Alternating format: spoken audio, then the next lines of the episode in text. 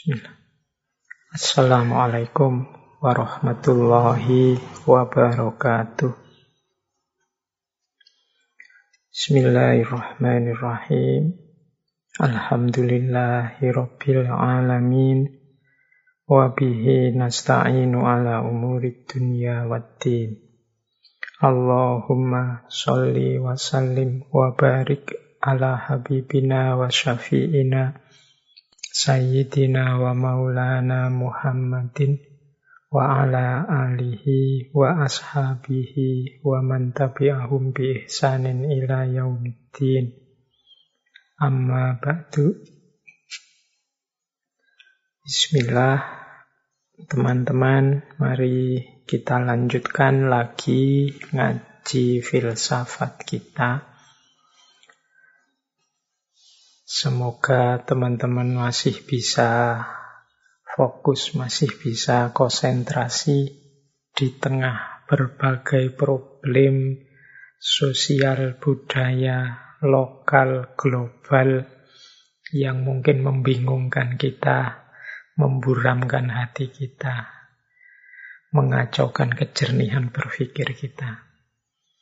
Tapi tetap semoga kita tidak lupa untuk terus istiqomah dalam kebaikan-kebaikan yang sudah kita ketahui, termasuk istiqomah dalam nambah wawasan mencari ilmu.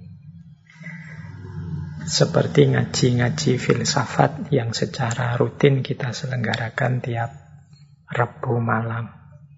Ya meskipun masih ternyata dalam situasi serba prihatin karena pandemi ternyata semakin merajalela. Mohon dimaklumi kajian kita masih dengan format jarak jauh. Semoga tidak mengurangi keasikan kita untuk belajar. Karena seperti yang sering saya sampaikan, kunci penguasa peradaban terletak pada penguasaan ilmu pengetahuan termasuk filsafat. Jadi ini jalan kita untuk memenuhi amanat dari Allah. Bisa menjadi khalifahnya di muka bumi.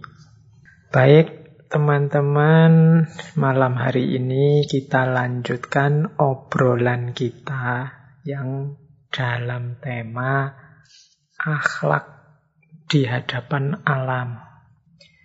Cuma malam hari ini kita agak berbeda. Yang kita bahas ini tidak lagi teknis-teknis atau prinsip-prinsip seperti yang kemarin banyak kita bahas.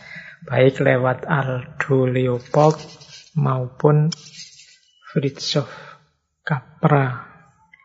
Malam hari ini kita mungkin banyak membahas dasar-dasar filosofis cinta kita kepada alam, hubungan kita dengan alam sekeliling kita yang hari ini banyak tidak ideal, kemudian masuk ke ranah agama-agama, khususnya ranah yang lebih berbau sufistik. Ini malam hari ini kita membahas gagasan-gagasan beliau yang beberapa kali juga sudah kita bahas dalam ngaji filsafat yaitu Sayyid Hussein Nasr. Ini kajian malam hari ini, ini semacam melanjutkan dulu kita pernah membahas gagasan beliau tentang Saintia Sakra. Nah, malam hari ini ini semacam implementasi Saintia Sakra dalam hubungannya dengan relasi manusia dan alam. Gagasan-gagasan seperti yang dikembangkan oleh Sayyid Hussein Nasr ini sering nanti disebut sebagai ekosofi atau ekofilosofi. Baik, uh, bismillah kita mulai kajian kita.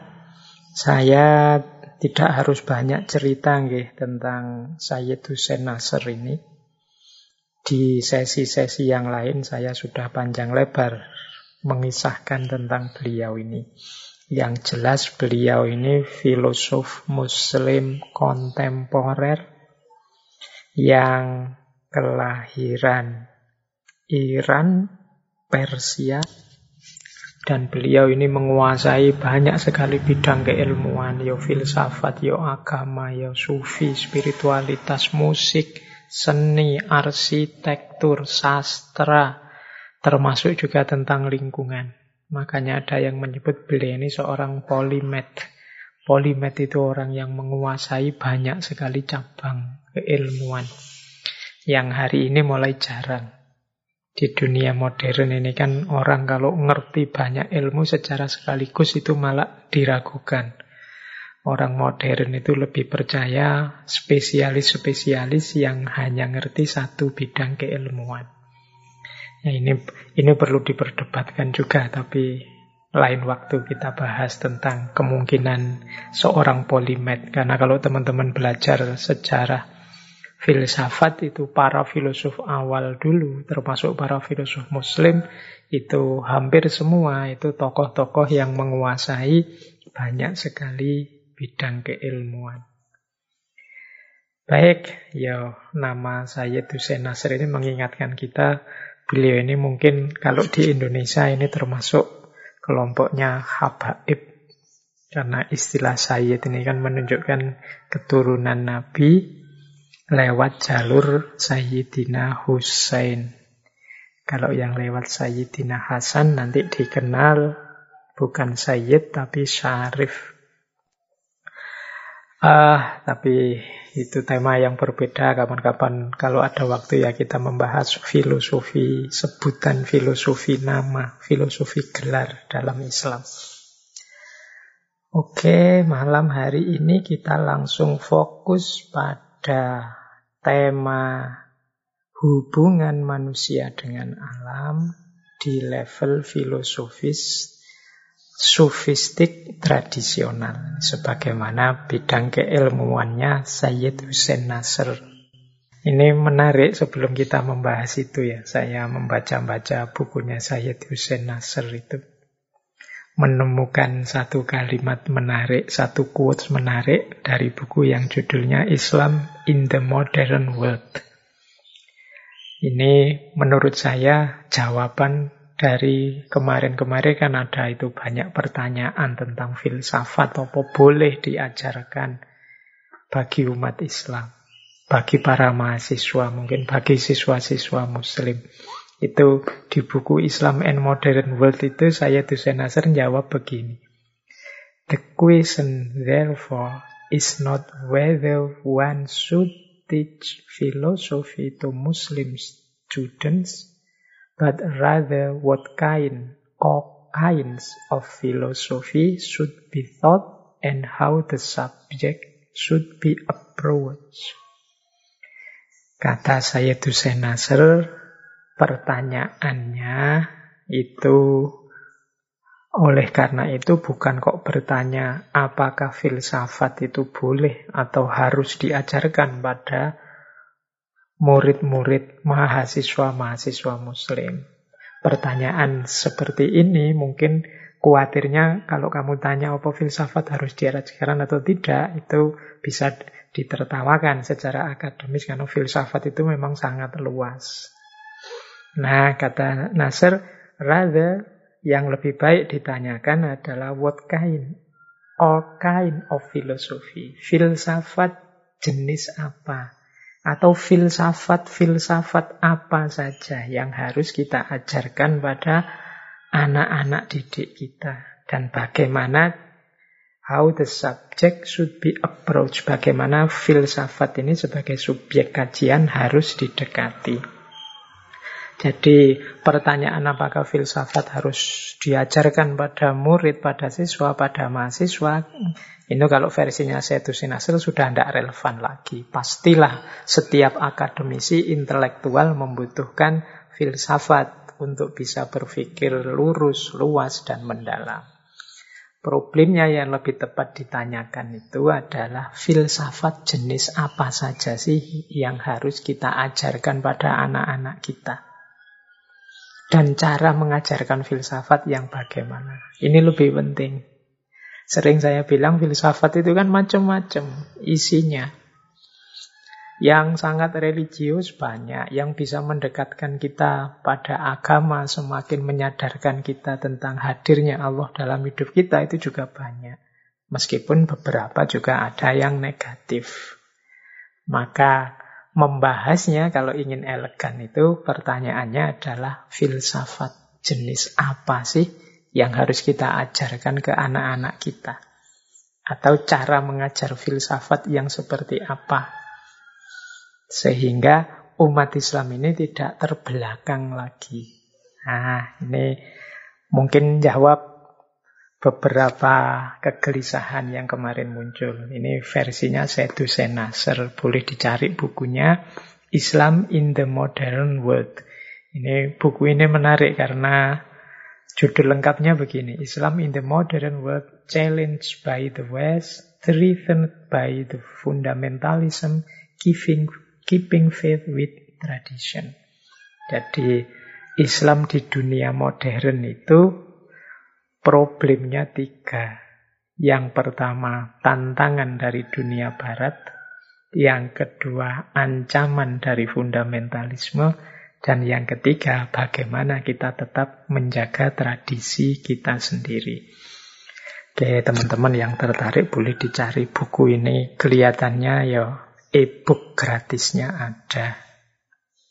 Nah, kemudian saya juga membaca ada buku yang lain dari Sedu Senasser yang judulnya In Search of the Sacred.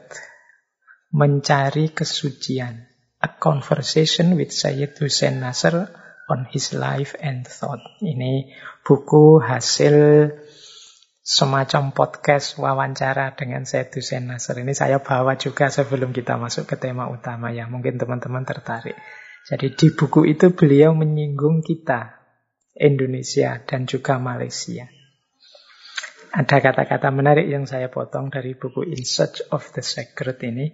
It is very interesting to note that in countries such as Indonesia and Malaysia, which had never been a center for Islamic philosophy, there are no many gifted young philosophers, scholars, and teachers who teach Islamic philosophy from the point of view of the Islamic metaphysical and philosophical tradition, which was something unheard of in modern universities in the Islamic world a few decades ago. Jadi kata Sayyid Hussein Nasr sangat menarik untuk dicatat bahwa di negara-negara seperti Indonesia dan Malaysia yang belum pernah menjadi pusat kajian filsafat Islam, karena kita kenalnya ya pusat-pusat filsafat Islam itu kan dulu Baghdad, Persia, Turki mungkin, Mesir mungkin itu kan yang kita dengar itu. Kata Satu Sinasar menarik belakangan di negara seperti Indonesia dan Malaysia ini there are no many gifted young philosophers. Hari-hari ini banyak muncul anak-anak muda berbakat, para filosof-filosof muda, intelektual, para ulama, para guru yang mengajarkan filsafat Islam. From the point of view of the Islamic metaphysical and philosophical tradition. Dari sudut pandang tradisi metafisik dan filosofis Islam. Which was something unheard of. Yang seperti ini belum pernah kedengaran in modern universities di universitas-universitas modern di dunia Islam beberapa dekade yang lalu. Jadi hari ini ada fenomena kalau bahasa ilmiah itu the rise of education. Melonjaknya kesadaran pendidikan termasuk filsafat. Khususnya yang disinggung oleh Setu Senasar ini di Indonesia dan Malaysia. Banyak muncul orang-orang pinter, anak-anak muda penggemar filsafat, para ilmuwan yang mengajarkan filsafat dari sudut pandang tradisi kefilsafatan Islam itu sendiri. Nah, ini Ini mungkin bahasa Jawa ini bombong kita. Jadi membesarkan hati kita. Yuk kita jangan ragu-ragu lagi untuk menggali khazanah-khazanah kefilsafatan. Khususnya khazanah-khazanah dari tradisi keilmuan, tradisi kefilsafatan kita sendiri. Kita sendiri itu berarti ya tradisi Muslim, Indonesia, sesuai konteks budaya kita masing-masing yang hakikatnya sangat kaya dengan kebijaksanaan-kebijaksanaan, kearifan-kearifan. Baik, wah ini saya lebih banyak ngomong improve-nya ya. Tapi ini mungkin menarik bagi teman-teman yang kemarin bertanya-tanya tentang kajian filsafat. Tapi jangan lupa ya, jangan terlalu GR yang ngaji filsafat karena buku ini diterbitkan versi bahasa Inggrisnya tahun 2010. Berarti yang dilihat bukan kita. Jadi yang ngaji filsafat mungkin melanjutkan ini saja. Yang dilihat oleh saya itu Senasir berarti 2010 ke belakang. 2010 ke belakang bukan kita. Ya kita kalau dibahas hari ini mungkin antara lain ada contoh anak-anak muda yang hari ini semangat belajar filsafat misalnya melalui ngaji filsafat itu kalau hari ini tapi ini kan tahun 2010 semoga gairah semangat ini tidak padam karena memang dulu banyak orang berharap. Zaman saya mahasiswa dulu isu ini sudah muncul bahwa kebangkitan Islam itu akan dimulai dari Indonesia. Dengan melihat kultur, cara beragama, mentalitas orang Indonesia saat itu. Meskipun hari ini banyak isu-isu sebaliknya. Justru kita mengalami sedikit degradasi. Karena hari ini ada isu Indonesia itu growing intolerance semakin tidak toleran. Berarti semakin tidak toleran itu menunjukkan kita semakin tidak tidak terbuka. Ya susah kita bisa berkembang kalau kita tidak terbuka. Baik, teman-teman, mari kita mulai tema eko filosofi malam hari ini. Jadi kata-kata eko itu sama seperti kemarin kita membahas tentang eko literasi. Eko itu artinya rumah tangga. Kalau sofi artinya kearifan, kebijaksanaan. Jadi ekosofi itu kalau secara letter berarti kebijaksanaan dalam mengelola lingkungan rumah tangga ekosistem kita. Yang ekosistem ini isinya tidak hanya manusianya, tapi seperti kemarin kita jelaskan di sesi sebelumnya, ya segala yang ada di lingkungan kita, baik yang hidup maupun tidak hidup. Nah, dalam ekosofi ini berarti ada integrasi antara ekologi. Kalau ekologi dari kata-kata loginya kan berarti dia sejenis ilmu dengan filsafat. Kalau filsafat ini berarti ada pendalaman, perluasan dengan fokus kearifan kebijaksanaan. Jadi ekosofi itu ekologi plus filosofi. Nah, ini saya tidak perlu panjang-panjang menjelaskannya. Insya Allah teman-teman sudah paham. Kemudian ekosofi ini positioningnya dalam kajian ekologi sering disejajarkan dengan paradigma ekosentrisme. Jadi karena prinsip-prinsip ekosofi ini sama dengan prinsip ekosentrisme, yaitu manusia bukan satu-satunya makhluk yang punya nilai dan punya kepentingan. Kemudian yang kedua, ya semua makhluk ini punya kedudukan yang sama, punya harga. Tidak hanya manusia.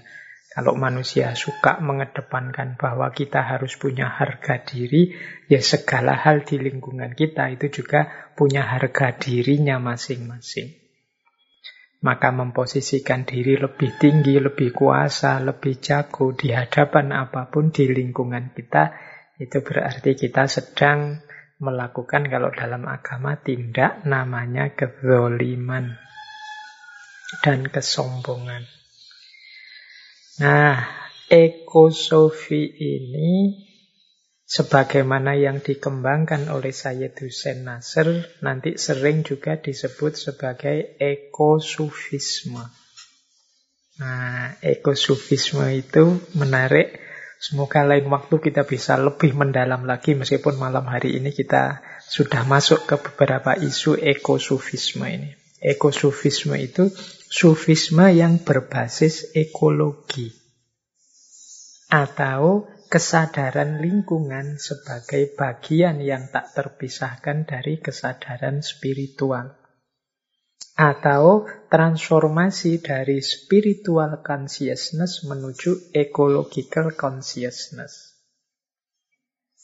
Nah, ini sebenarnya tiga, tapi sebenarnya maksudnya sama. Jadi, ekosufisme itu bisa dalam bentuk penghargaan kita, penjagaan kita, pelestarian kita terhadap lingkungan sekeliling kita, itu sebagai bagian dari suluk atau laku kesufian. Atau juga kesadaran spiritual kita. Ini manifestasinya antara lain adalah kesadaran lingkungan. Jadi ini, ini sebenarnya mirip tapi ya maksudnya berbeda. Kalau yang pertama tadi menjaga lingkungan itu bagian dari suluk. Jadi metode kita untuk mendekat pada Allah itu ya dengan cara antara lain mengamankan, menjaga, melestarikan keseimbangan lingkungan sekeliling kita. Ini juga kebajikan, ini juga laku suluk untuk semakin membuat kita dekat dengan Allah. Atau sebaliknya, kelakuan kita yang baik terhadap alam, terhadap lingkungan, itu adalah hasil suluk kita yang sukses. Ketika kita suluk ini kan melakukan perjalanan sampai orang memuncak, mengalami makrifat, kesadaran spiritual. Buahnya kesadaran spiritual ini adalah perilaku kita yang positif, yang konstruktif, yang baik kepada lingkungan. Jadi kalau di yang pertama tadi kebaikan lingkungan itu bagian dari suluk, kalau di definisi kedua ini baik kita pada lingkungan itu buah kesuksesan kita melakukan suluk. Kalau di yang pertama, jalan kita mendekat pada Allah adalah dengan berintegrasi secara harmonis dengan lingkungan. Kalau di yang kedua, hasil dari upaya kita mendekat ke Allah adalah kesadaran kita untuk menyatu berintegrasi dengan lingkungan. Inilah yang disebut ekosufisme. Jadi ini cabang-cabang keilmuan yang berhubungan dengan ekologi yang hari ini marak dan populer. Terus kita lanjutkan. Nah, kita awali dari kegelisahannya saya Hussein Nasr. Mengapa sih beliau yang concern dengan sufisme, dengan wawasan-wawasan kearifan tradisional perennial objek yang beliau bidik pertama-tama itu lingkungan. Kata saya itu Nasr begini, siapa pun yang sadar akan situasi dunia modern, bah, pasti tahu bahwa masalah paling mendesak setidaknya di level material yang dihadapi manusia adalah krisis lingkungan hancurnya keseimbangan antara manusia dengan lingkungan alamnya.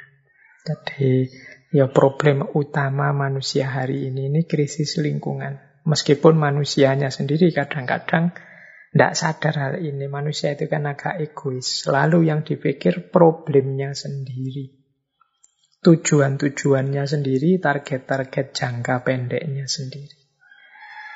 Nah, padahal ini lanjutannya kata saya itu Senasar, Islam dan ilmu-ilmunya membawa pesan yang sangat penting dan tepat yang dapat membantu memecahkan sejauh mungkin tantangan besar dunia ini secara keseluruhan. Ya kita ini ada di problem krisis lingkungan, tapi solusinya sebenarnya sudah ada. Bahkan boleh dikatakan sudah banyak. Tinggal kita mau atau tidak menghidupkannya, termasuk dari perspektif Islam.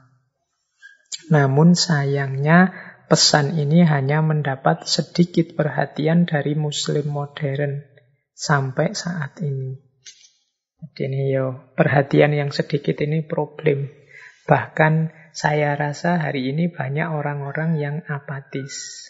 Apatis itu wis tidak percaya lagi dengan wacana-wacana seperti ini. Bagi dia wis alam ini sudah terlanjur rusak, dan manusianya memang sudah terlanjur rusak. Jadi tidak mungkin lagi diperbaiki.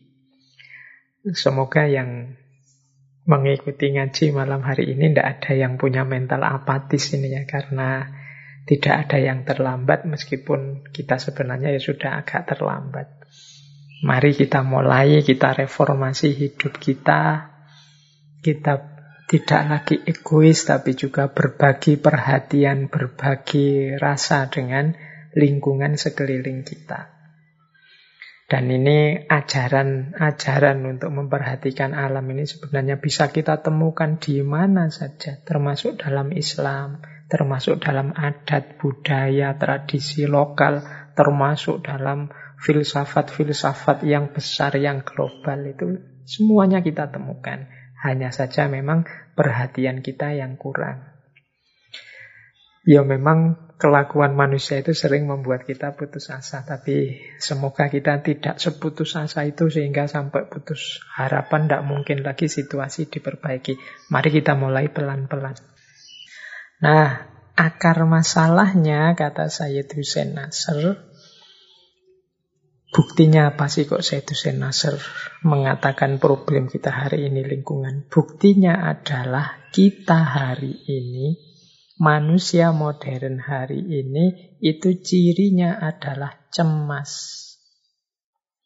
Kita ini kan kalau mulai berpikir serius tentang kehidupan di muka bumi ini, biasanya terus hasilnya cemas. Kita cemas nanti ada perang yang menghancurkan segalanya. Kita cemas krisis lingkungan, polusi udara, air yang cemar. Kita cemas dengan kelangkaan sumber daya alam, kita cemas dengan problem. Pokoknya banyak kita isinya cemas-cemas. Ini kira-kira cucuku, keturunan yang kesekian masih bisa menikmati ini apa ndak ya, masih bisa ketemu air bersih apa ndaknya, masih udaranya masih jernih apa ndak, dan macam-macam. Kita hari ini banyak cemas. Ini saja sudah menunjukkan bukti ini problem besar kita hari ini. Jadi Buktinya ya manusia modern itu hidupnya serba cemas. Kita hampir dua tahun ini kan isinya cemas terus. Khawatir kita punah gara-gara pandemi. Oke, ya berarti ada masalah memang dengan kehidupan kita selama ini. Kata Sayyid Hussein Nasr, sumber masalahnya itu bukan karena kita ini under development, kita ini terbelakang, tapi justru manusia itu over development, terlalu sangat maju. Mikirnya kemajuan, temuan baru, inovasi terus menerus sampai lupa dengan manfaat, maslahat, relevansi, kesinambungan, dan lain sebagainya. Kita ini mikirnya ingin maju terus, ingin maju terus, temuan baru, inovasi baru. Tidak pernah mikir efeknya, manfaatnya, bahayanya. Jadi ternyata sumbernya bukan under development tapi over development. Bukan karena kita ini tidak ngerti apa-apa terbelakang, tapi kita terlalu maju. Jadi banyak temuan-temuan, ya memang baru sih sebelumnya tidak ada, tapi ternyata efeknya banyak negatifnya. Nah itu analisisnya saya Hussein Nasr. Nah, akarnya apa problem overdevelopment ini? Akarnya adalah polusi jiwa manusia modern. Dari mana polusi jiwa itu muncul? Dari orang modern sendiri yang cara berpikirnya menyingkirkan yang metafisik, menyingkirkan yang ilahiyah, menyingkirkan hal-hal religius spiritual dari kehidupannya. Kata Sayyidus Nasr, manusia modern mencoba hidup dengan roti semata. Membunuh Tuhan, anti akhirat, desakralisasi alam untuk dieksploitasi secara membabi buta dan penuh kesenangan-wenangan. Ini kita sudah bolak-balik mendengar kalimat-kalimat ini bagaimana orang-orang manusia merasa dirinya lah yang paling mampu, yang paling kuasa mengatasi segalanya, melupakan Tuhannya. Alam diposisikan hanya sebagai pelayannya. Kalau menggunakan kalimatnya Sedusen Nasr, in traditional societies, nature was seen as one's wife, but the modern West turned it into a prostitute. Dalam masyarakat tradisional, alam semesta dipandang sebagai istri. Ya kan? Istri itu kan dibersamai, dibahagiakan, dinikmatkan, kemudian menikmati hidup bersama-sama, itu kan istri. But the modern West, tetapi orang-orang Barat modern turn it itu into a prostitute mengubahnya menjadi seorang prostitut, seorang wanita nakal. Kalau wanita nakal itu kan ya dinikmati sesaat terus ditinggal, dinikmati ditinggal. Jadi tidak dipedulikan nasibnya, kehidupannya, kebaikannya. Pokoknya orang hanya mengejar nikmatnya sendiri. Persis seperti itulah sikap kita terhadap alam selama ini. Padahal nenek-nenek kita, kakek-kakek kita dulu mencontohkan cara hidup yang berpasangan seperti suami istri dengan alam. Tapi orang-orang modern membaliknya, kita memposisikan alam seperti seorang prostitut. Kita hanya ingin menindas mencari kenikmatan kita sendiri tanpa memikirkan nasibnya. Nah, ini akar masalah problem ini saya sudah kelihatannya menjelaskan panjang lebar ketika kita membahas tentang Saintia Sakra. Jadi kita tidak harus berlama-lama membahas ini. Berarti secara problematik manusia itu punya problem mental dan cara berpikir yang salah di hadapan alam. Manusia overdevelopment kemudian menyisihkan dimensi-dimensi spiritual ilahiyah dari kehidupannya. Kemudian merasa bisa, merasa mampu hidup sendiri tanpa dukungan yang selainnya, baik itu alam maupun Tuhan. Ini yang disebut antroposentris. Dan memposisikan alam sebagai seorang prostitut, bukan sebagai wife. Ini akar-akar masalahnya. Inilah nanti sehingga Sayyid Hussein Nasr menyimpulkan orang modern itu bukan filosofia tapi misosofia. Orang modern itu bukan orang-orang yang cinta kebijaksanaan, tapi orang-orang yang benci kebijaksanaan.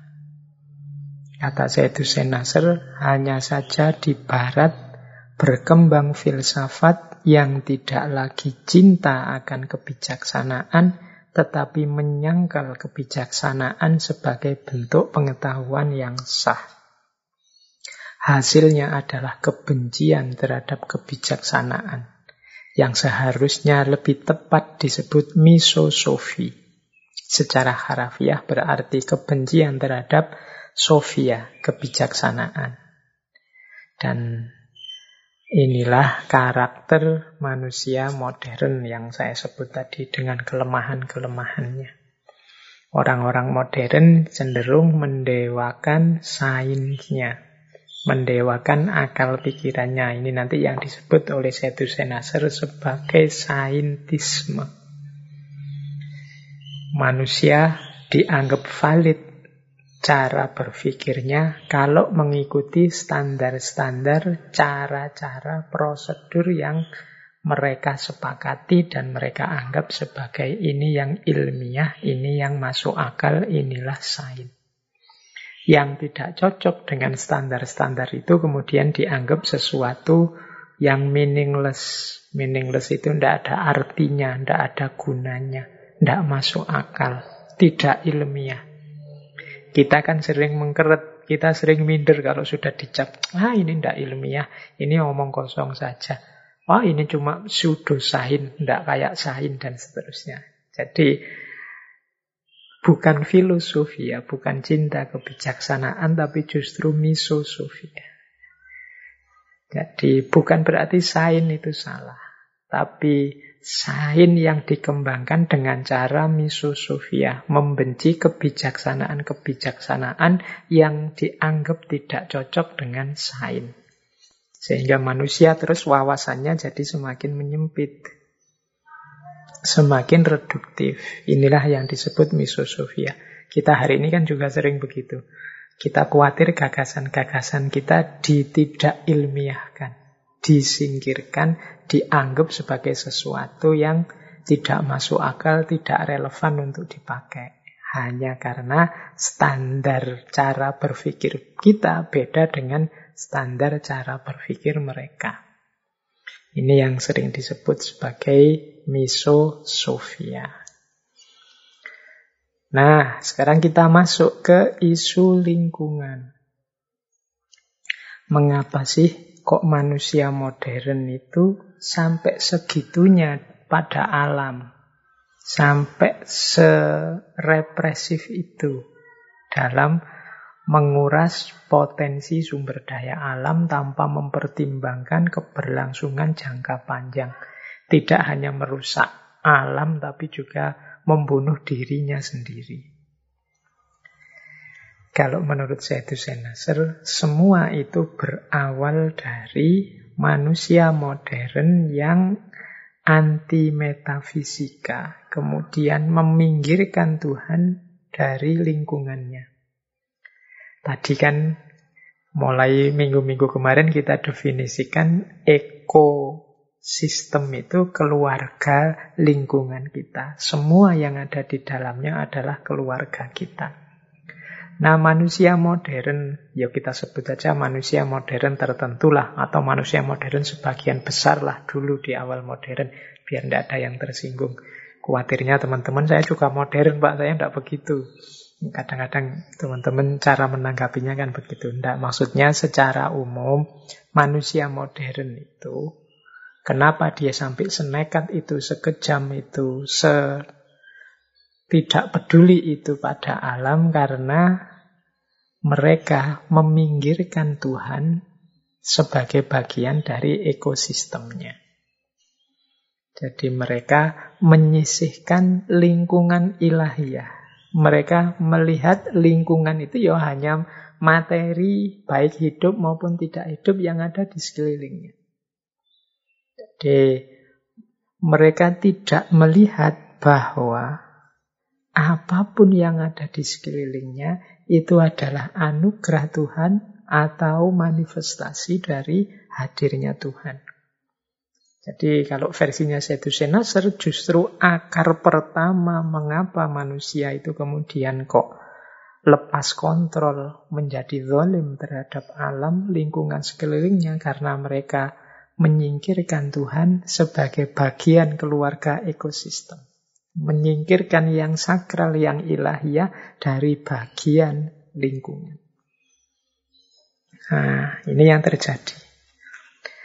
Ini kalau ada yang tanya, apa masyarakat tradisional? Tidak begitu, Pak. Ya, kalau dari masyarakat tradisional kan sering kita lihat praksis-praksis kearifan spiritual sehubungan dengan alam. Manusia Orang-orang tradisional lama itu kan punya kearifan tersendiri untuk menghadirkan Tuhan dalam ekosistemnya. Coba lihat Jawa zaman dulu ya. Itu ada misalnya di setiap benda, di setiap apa mungkin binatang, tumbuhan, benda apa pun di situ dianggap ada dayanya, ada kekuatan spiritualnya sehingga tidak boleh sembarangan, tidak boleh. Orang dulu kan punya pandangan-pandangan begitu. Ini sakral, ini tabu, ini tidak boleh. Ini berarti masih ada sakralitas, masih ada lingkungan spiritual dalam ekosistem. Kesadaran ini yang hilang di dunia modern karena orang modern hanya lihat kelihatannya saja, tampaknya saja, materinya saja. Jadi lihat rumput, ya rumput. Lupa bahwa rumput itu salah satu makhluknya Allah yang juga merupakan bagian dari ciptaannya yang juga menunjukkan kebesarannya. Bagi kita rumput ya rumput dia harus disingkirkan kalau mengganggu. Tanpa berpikir panjang, kalau sama sekali tidak ada rumput di lingkungan kita, kira-kira ekosistem mana lagi yang terancam keberadaannya. Inilah problem yang dihadapi oleh manusia modern karena mereka sendiri lupa untuk menghadirkan Tuhan. Atau mereka sendiri secara sengaja membuang Tuhan dari lingkungan ekosistemnya. Nah, jadi ternyata akar utamanya di situ.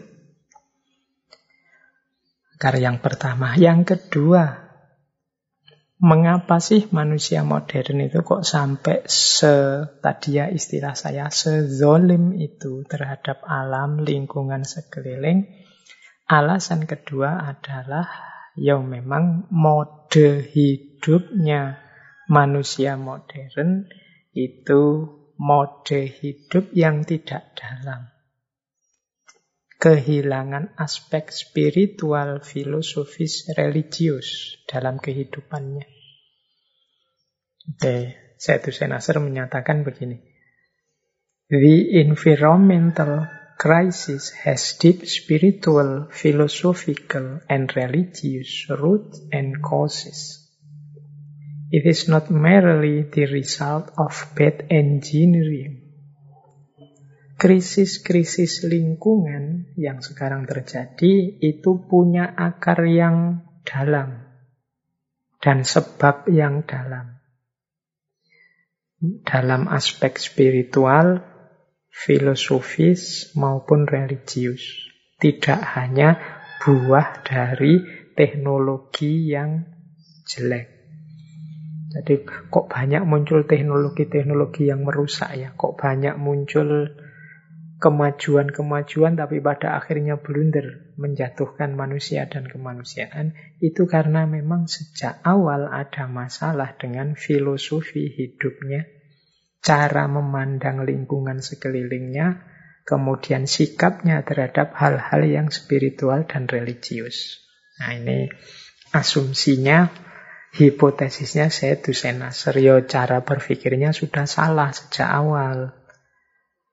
Yang diperhatikan hanya aspek materi fisik positivistik. Melupakan masih ada yang spiritual, philosophical, religius. Kalau pakai bahasa Arab ya orang modern itu hanya fokus pada alamus syahadah alam fisik melupakan yang metafisik alamul ghaib.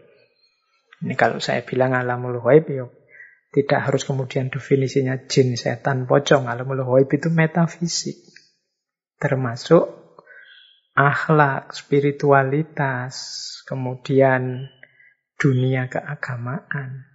Ini kan dunia-dunia yang tidak material sifatnya. Sementara orang modern fokus hanya pada material. Jadi kunci pertama ternyata orangnya. Maka memperbaiki ekosistem yang rusak ini ya pertama-tama harus diperbaiki paradigma berpikir manusianya. Karena di situlah akarnya. Satu Nasr menyindir kita begini. Yang mengenaskan kata Setu Nasr hari ini ada sejumlah muslim yang berpikir bahwa semua solusi dapat ditemukan hanya dengan tindakan di luar diri mereka. Mereka tidak perlu melakukan apa pun di dalam diri mereka sendiri. Ini adalah ide yang sangat barat, modern, ide barat, di mana Anda mencoba memperbaiki dunia tanpa memperbaiki diri sendiri. Ya, baik. Jadi ini sindiran pada kita. Banyak di antara kita, ya cara berpikirnya ternyata sama. Seperti barat, padahal kita punya khazanah berpikir yang luar biasa untuk menyikapi lingkungan. Apa sih yang dimaksud barat tadi oleh Setu Senasar? Cara berpikir yang di luar diri. Jadi kalau ada masalah ya dicari ad hoc, dicari solusinya di luar diri. Kita ini kan selalu keluar. Bahkan kalau ada masalah pun kadang-kadang kita enggan membaca diri, malah mencari kambing hitam, menyalahkan apa saja di luar lingkungan kita. Kenapa kok pandemi tidak selesai-selesai? Itu sebagian besar kita menunjuk keluar. Entah itu musim lah, alamnya disalahkan lah, orang lain disalahkan, pemerintah disalahkan, tetangganya sendiri disalahkan, masyarakatnya disalahkan, semua menunjuk keluar. Kata Nasr gaya seperti ini itu gaya barat. Karena gaya barat yang terkenal dengan positivistiknya, melihat sesuatu hanya pada aspek materi, hanya pada aspek rasionalitas instrumentalnya. Kalau katanya Nasr, Gaya kita itu kalau ada masalah pertama-tama membereskan yang di dalam diri dulu.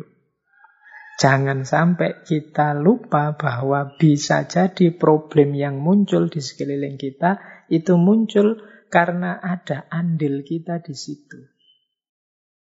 Jadi kita tidak sadar bahwa kita ini mungkin part of the problem. Kita ini bagian dari masalah.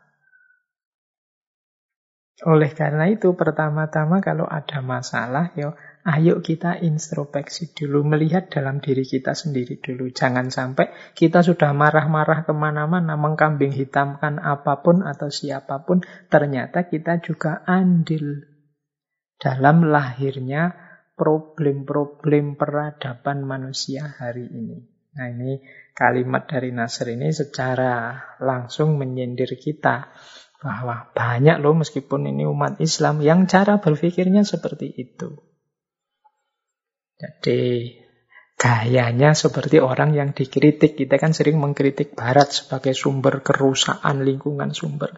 Sehingga lingkungan sekeliling kita ini banyak rusak. Tapi coba kita sendiri berpikir, jangan-jangan kita juga ikut andil di situ. Ikut andil melahirkan kerusakan-kerusakan di sekeliling kita, entah kita sadari atau tidak. Nah, ini saya tertarik ada satu kalimat dari Syed Hussein Nasr dari buku Young Muslims Guide to the Modern World. Kata Nasr begini, para cendikiawan Muslim harus mempelajari seluruh sejarah ilmu periode Islam secara lengkap dan tidak hanya bab dan periode yang dianggap mempengaruhi ilmu pengetahuan barat. Para cendekiawan muslim juga harus mempresentasikan tradisi sains Islam dari sudut pandang Islam itu sendiri dan bukan dari sudut pandang saintisme, rasionalisme, dan positivisme yang mendominasi sejarah sains di barat sejak berdirinya Islam. Disiplin ini muncul pada awal abad ke-20 di Eropa dan Amerika. Jadi maksudnya Hussein Nasr itu kita ini mbok yo menggali lagi khazanah-khazanah keilmuan Islam Jangan hanya dipotong pada bagian tertentu.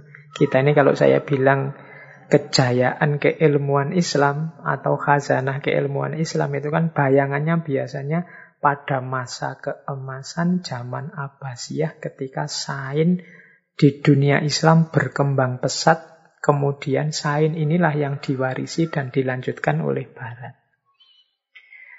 Kita selalu melihat ke situ, zaman kejayaan itu. Bab yang kita anggap inilah nanti yang dilanjutkan oleh Barat dengan sainsnya. Kata Setu Senaser, Mbok yo kita baca semua sejarah intelektual Islam. Biar kita tidak terjebak di bagian sejarah yang itu saja. Mengapa jangan terjebak di situ? Bagian sejarah yang kita sebut era keemasan itu hanya babak tertentu dengan gaya tertentu keilmuan dalam Islam. Yang ini memang nanti dilanjutkan oleh Barat. Di dunia Islam masih sangat kaya dengan gaya berpikir, dengan gaya keilmuan. Yang tidak hanya gaya saintifik seperti sains modern itu. Kita masih punya Persia, kita masih punya tradisi mistik, tradisi fikih, tradisi kalam yang sangat luas yang tidak sesederhana era keemasan dengan perkembangan sainsnya. Nah, ini yang oleh Setu Sinasir disebut nanti tradisi. Kita punya tradisi keilmuan yang jauh lebih luas. Kalau kita hanya melihat bagian itu saja dalam sejarah Islam, misalnya kita bangga loh, ternyata Al-Jabar itu dari kita. Kita punya Al-Khawarizmi dengan matematikanya. Kita punya, ini kan bagian-bagian sains saja yang nanti dikembangkan di abad 20 oleh Eropa dan Amerika, oleh Barat. Kata Syedhu Senasir, mbok yo kita belajar babak keilmuan yang lain dalam sejarah Islam. Toh Islam ini kaya sekali dengan tradisi keilmuan. Tidak hanya itu. Kalau kita hanya melihat di situ, kuatirnya yo kita merasa inferior kita merasa tidak punya akar tradisi keilmuan. Kita merasa kalah oleh Barat. Padahal kalau kita bisa menghidupkan lagi kekayaan khazanah, tradisi yang justru penuh dengan kearifan-kearifan di dunia ilmiah Islam, mungkin di situ kunci bangkitnya lagi kejayaan Islam. Nah, ini yo PR kita ya. Karena kita ini sering sekali lupa dengan kekayaan tradisi budaya kita sendiri. Oke, teman-teman ini sindiran dan juga masukan dari Setu Senaser. Mengapa kok kemudian sikap kita terhadap alam ini agak kacau ya karena ternyata kita sendiri yang keliru. Menggunakan cara berpikir atau paradigma berpikir. Baik, kita awali sekarang. Lah terus gimana cara memahami alam yang tepat? Ini Setu Senasar menunjukkan ini loh beberapa model berpikir, model filosofi yang positif, konstruktif terhadap alam. Yang pertama, untuk memahami alam, Setu Senasar mengajukan Mari kita pahami makna universal Islam. Makna universal Islam itu kan makna kepasrahan kepada Tuhan. Jadi justru ciri utama nanti ekologi dalam Islam itu adalah relasinya tidak hanya manusia dengan ekosistemnya, tapi ada satu variabel yang sering dilupakan yaitu Tuhan. Memahami makna universal Islam itu seperti apa? Makna universal Islam itu secara umum ada tiga, kata Sayyid Hussein Nasr. Yang pertama adalah kepasrahan, kepatuhan kita sepenuhnya kepada Allah, pada Tuhan. Yang kedua, kita terima sepenuhnya segala ketetapan Allah melalui fitrah-fitrah, sunnatullah-sunnatullah, kodoknya terhadap alam semesta. Dan yang ketiga, seorang muslim itu selalu menghubungkan isinya alam semesta, segala peristiwa dalam hidupnya dengan keberadaan Allah. Berarti ketika kita berhadapan dengan alam, sebagai muslim sejati kita harus menerapkan tiga ini. Yang pertama apa? Yang pertama itu patuh dan pasrah. Jadi patuh dan pasrah itu ya ilustrasinya kita ini kan oleh Allah ke muka bumi ini ada amanat-amanat sebagai hambanya, sebagai khalifahnya. Kita harus momong diri kita sendiri dan juga momong lingkungan kita. Ini amanat dari Allah. Dan kita pasrah, sami'na wa atokna. Itulah Islam. Yang kedua, Allah ini kan menetapkan berbagai sunnatullah dalam hidup ini, baik berhubungan dengan manusia maupun berhubungan dengan alam. Ada rumus-rumusnya, ada patokan-patokannya. Ini namanya sunnatullah. Kita terima sunnatullah itu kita pedomani, kita manfaatkan untuk mengelola hidup kita. Itulah Islam. Jadi kepasrahan kita, penerimaan kita terhadap segala ketetapan Allah. Jadi ekosistem lingkungan di mana kita hidup ini kan amanat-amanat Allah yang harus kita kelola. Masing-masing anggota ekosistem ini punya karakter sendiri, punya wataknya sendiri, punya cirinya sendiri. Ya kita terima, kita pahami, dan kita penuhi. Itulah Islam. Misalnya di lingkungan kita ini ada tumbuhan apa, ada binatang apa yang hadir, ada. Kita harus ngerti sunatullah semuanya, kemudian kita penuhi. Oh, di rumah saya ada kucing, Mbak. Kalau kucing itu makanannya ini, kan sunatullahnya. Kalau ikan makanannya ini. Kalau tanaman ini harus kena matahari.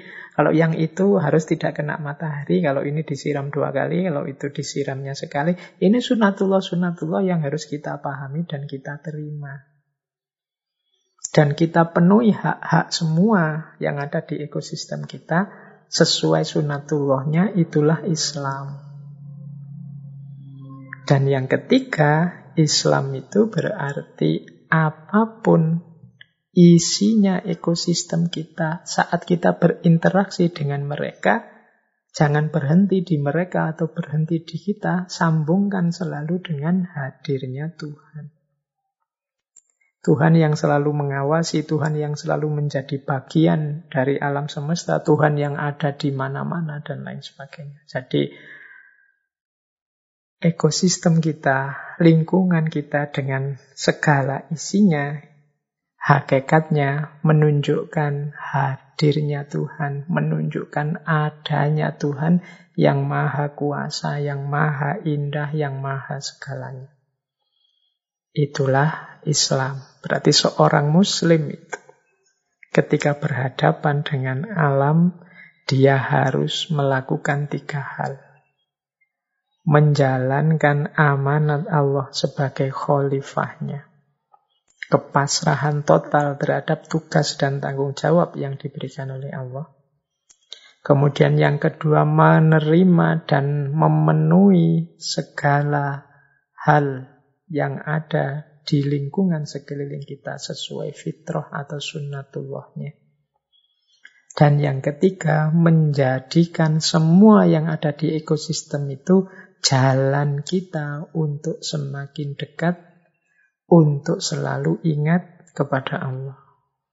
Inilah makna universal Islam kalau dihubungkan dengan relasi kita dengan alam, cara kita memahami alam. Nah, ini cara pertama. Jadi untuk memahami alam lewat tiga jalur tadi. Cara kedua, kata Setu Nasr. Lah untuk memahami sunatullah tadi seperti apa Pak jalannya? Kata Setu Nasr ada dua. Maka itu untuk bisa kita memenuhi tugas sebagai khalifah, tugas mengelola alam, paham sunnatullah itu apa saja, kita harus mau membaca ayat-ayatnya Allah. Nah, ini yang sering saya sampaikan. Ayat-ayat Allah itu ada dua. Ada ayat-ayat Kauli ada ayat-ayat kauni. Ada ayat-ayat tadwini, ada ayat-ayat takwini. Nah, ada dua pedoman untuk kita memahami sunatullah yaitu membaca ayat-ayatnya. Yang pertama ayat tadwini. Tadwin itu ayat yang dikodifikasi, yang dijilid, yang ditulis. Adanya dalam Al-Quran. Bentuknya tertulis, isinya huruf-huruf. Cara menggali maknanya pakai ikro. Dari situ kita dapat pengetahuan dan kesadaran tentang ketuhanan. Nah, ini bacaan pertama. Ayat tadwini Al-Quran. Nah, di situ juga banyak petunjuk, banyak isyarat tentang bagaimana cara kita bersikap di hadapan alam. Yang gaya pertama, ayat-ayat pertama. Tapi jangan lupa juga Ayat-ayat tadwini itu 50%. 50%-nya lagi ayat-ayat takwini. Ayat-ayat takwini itu alam semesta. Kalau Al-Quran tertulis, kalau alam semesta ini tergelar. Kalau bahasanya Al-Quran itu kita disuruh membaca ayat takwin itu misalnya di surat Al-Hoshiyah itu kan Afala yang zuruna ilal ibili kaifa hulikot wa ilal samai kaifa rufiat wa ilal arti kaifa sutihat wa ilal jibali kaifa nusibat. Ini membaca alam. Coba kamu baca mengapa gunung itu bagaimana dia dipancangkan, bagaimana bumi digelarkan, bagaimana langit ditinggikan. Ini membaca ayat-ayat alam. Dari situ kita paham mekanisme alam yang disebut sunatullah tadi.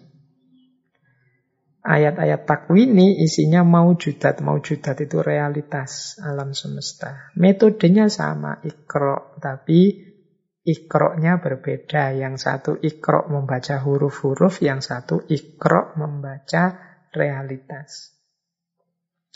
Makanya ulama itu yo tidak hanya orang yang ngerti agama, tapi orang yang ngerti sains, ngerti alam semesta, memahami realitas itu bisa juga disebut ulama. Orang yang berilmu. Ada yang ahli ayat-ayat tadwini, ada yang ahli ayat-ayat takwini. Dua-duanya ulama.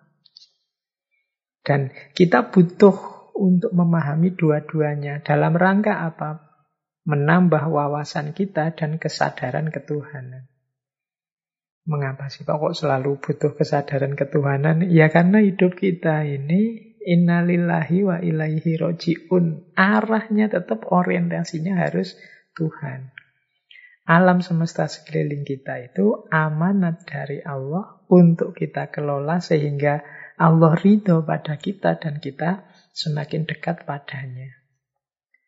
Jadi cara membaca alam yang kedua pakai metode ayat-ayat tadwini dan takwini untuk kita memahami sunnatullah.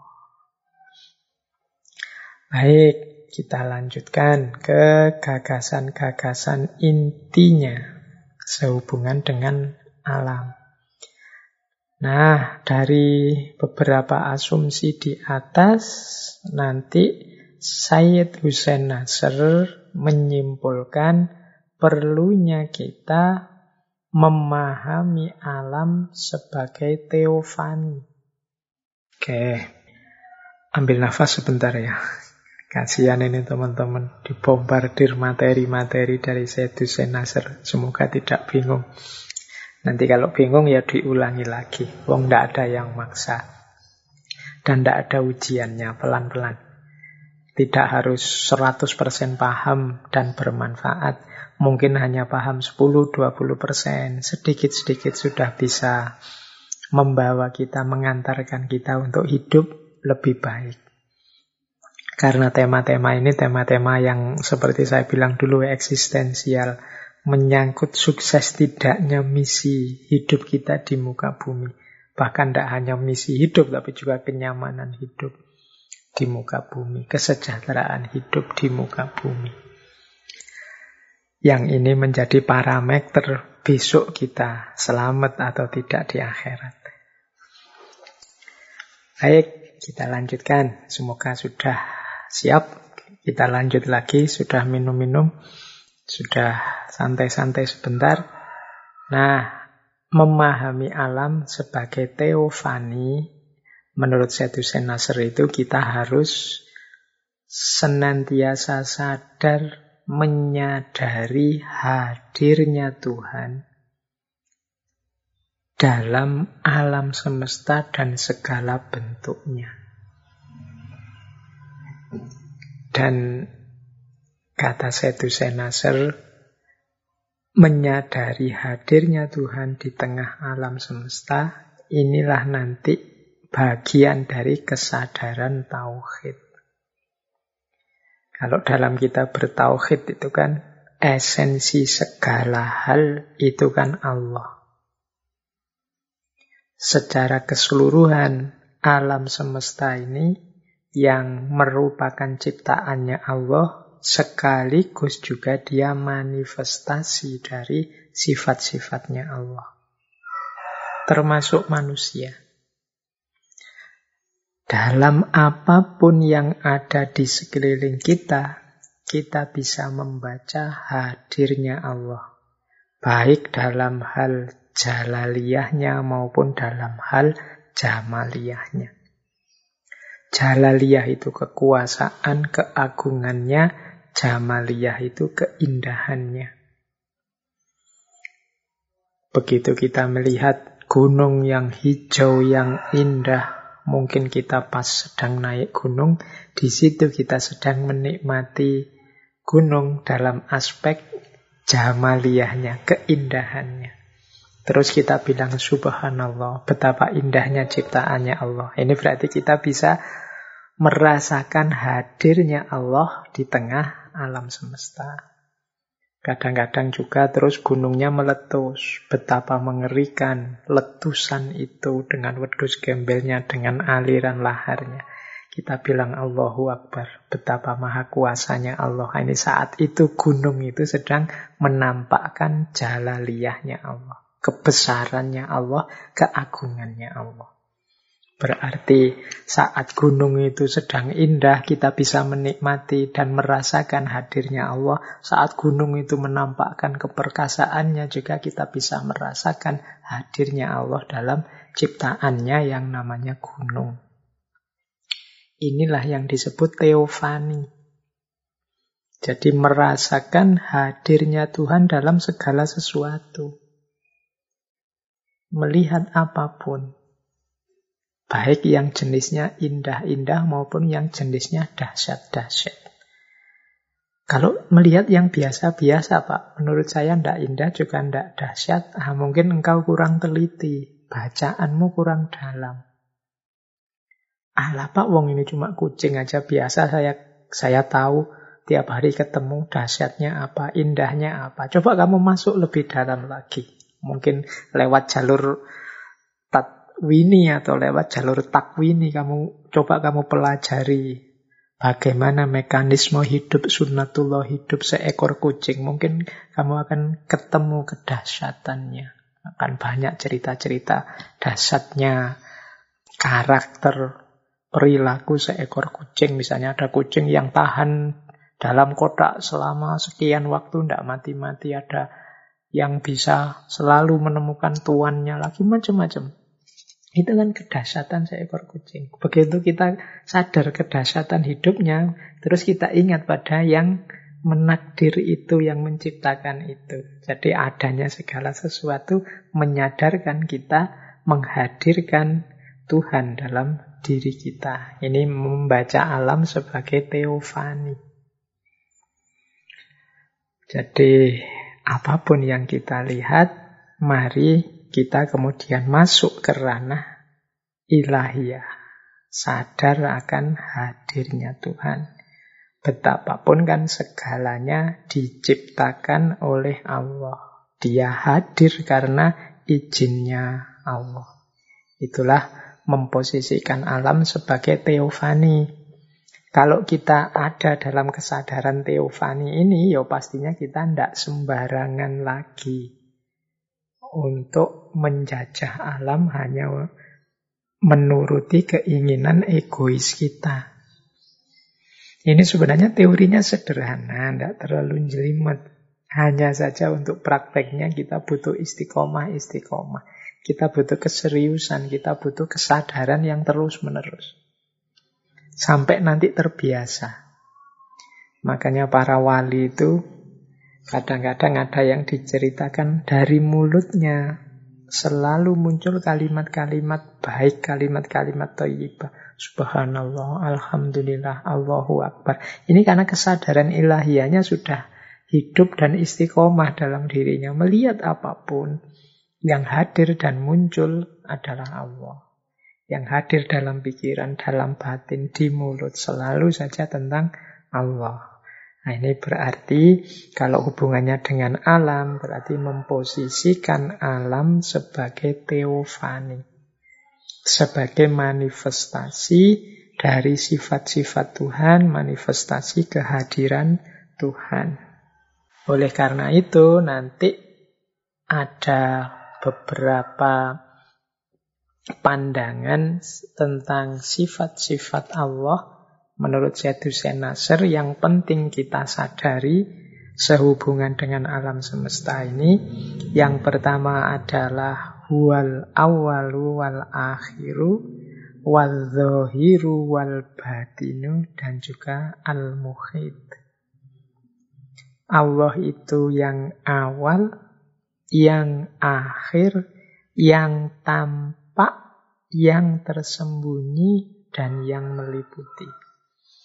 Ini sifat-sifat asma-asma Allah yang harusnya kita hidupkan, kita sadari waktu kita berinteraksi dengan ekosistem kita, lingkungan sekeliling kita. Jadi Allah itu yang awal dan yang akhir. Yang awal dan yang akhir itu bisa kita maknai segalanya, sumbernya dari Allah. Semua ini munculnya semuanya karena dari Allah, asal usulnya dari Allah, dan nanti berakhir semuanya juga pada Allah. Jadi wal awalu wal akhiru. Berarti melihat apa pun di sekeliling kita, misalnya melihat tumbuhan, melihat binatang-binatang, melihat keindahan lingkungan kita, kita sadar bahwa ini semua sumbernya dari Allah dan pada akhirnya nanti semuanya juga kembali pada Allah. Wal awalu wal akhiru. Termasuk diri kita sendiri. Mungkin kita pas lagi ngoco, berkaca, lihat wajah kita yang sudah mulai menua atau usia kita yang bertambah. Itu ya ada kesadaran huwal awalu wal akhiru. Semua yang aku rasakan, aku nikmati hari ini, sumbernya semuanya dari Allah. Dan nanti pasti akan kembali ke Allah lagi. Nah, ini kesadaran yang harusnya kita munculkan. Jadi melihat apa pun, kita sadar bahwa wal awalu wal akhiru. Darinya lah semua bermula dan padanya lah semua nanti akan berakhir. Melihat sesuatu yang indah, subhanallah, wal awalu wal akhiru. Keindahan ini asalnya dari Allah dan pada akhirnya nanti akan kembali juga pada Allah. Kedahsyatan ini akhirnya kembali kepada Allah, semula awalnya dari Allah. Pandemi ini huwal awalu wal akhir. Awalnya Allah yang menetapkan, menghadirkan pandemi ini dan nanti pasti akan kembali ke Allah. Tidak mungkin selamanya, tidak mungkin abadi. Satu-satunya yang abadi ya hanya Allah. Hidup di dunia ini sifatnya berputar. Kalau pakai istilah Jawa, cokro manggilingan. Tidak akan mungkin tidak enak terus. Dan tidak akan mungkin juga enak terus. Semuanya tentatif dan semuanya berawal dari Allah kembali ke Allah. Kemudian Allah juga al-zahiru wal batinu. Allah yang tampak dan yang tersembunyi. Yang yang zahir tampak ini ya jangan salah paham. Itu seperti tadi. Allah itu menampakkan dirinya lewat ciptaannya. Menampakkan sifat-sifatnya lewat makhluknya. Sehingga Ketika kita melihat sesuatu, kemudian muncul kesadaran, wah ini dari Allah. Itu kan level zohirnya sesuatu mengingatkan kita kepada Allah. Dan juga tersembunyi. Tersembunyi yang kita tidak tahu Allah itu seperti apa. Laisa kamislihi syai'un. Jadi ini seperti kontradiksi. Kok ada tampak sesuatu yang maha tampak, tapi kok sekaligus maha tersembunyi. Maha tampak manifestasi-manifestasi keberadaannya. Apa pun yang ada di sekeliling kita, di muka bumi, di alam semesta ini adalah manifestasi dari keberadaan Allah. Sekaligus Allahnya sendiri maha tersembunyi. Jadi kita sama sekali tidak tahu apalagi tentang zatnya. Jadi itulah Adzohiru wal batinu. Allah yang tampak di mana-mana, tapi sekaligus maha batin. Sama sekali tidak tampak. Dan yang terakhir, Allah yang maha meliputi. Kalau ini sebenarnya lanjutan dari yang tampak tadi. Mengapa sih Allah kok maha tampak, kelihatan di mana-mana ya? Karena Allah itu meliputi. Bikulli syai'in mukhid.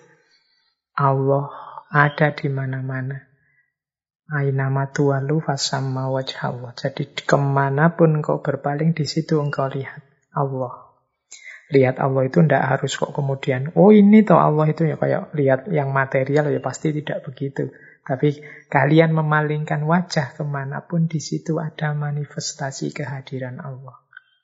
Baik dalam aspek jalaliyah keagungannya maupun dalam aspek jamaliyah keindahannya.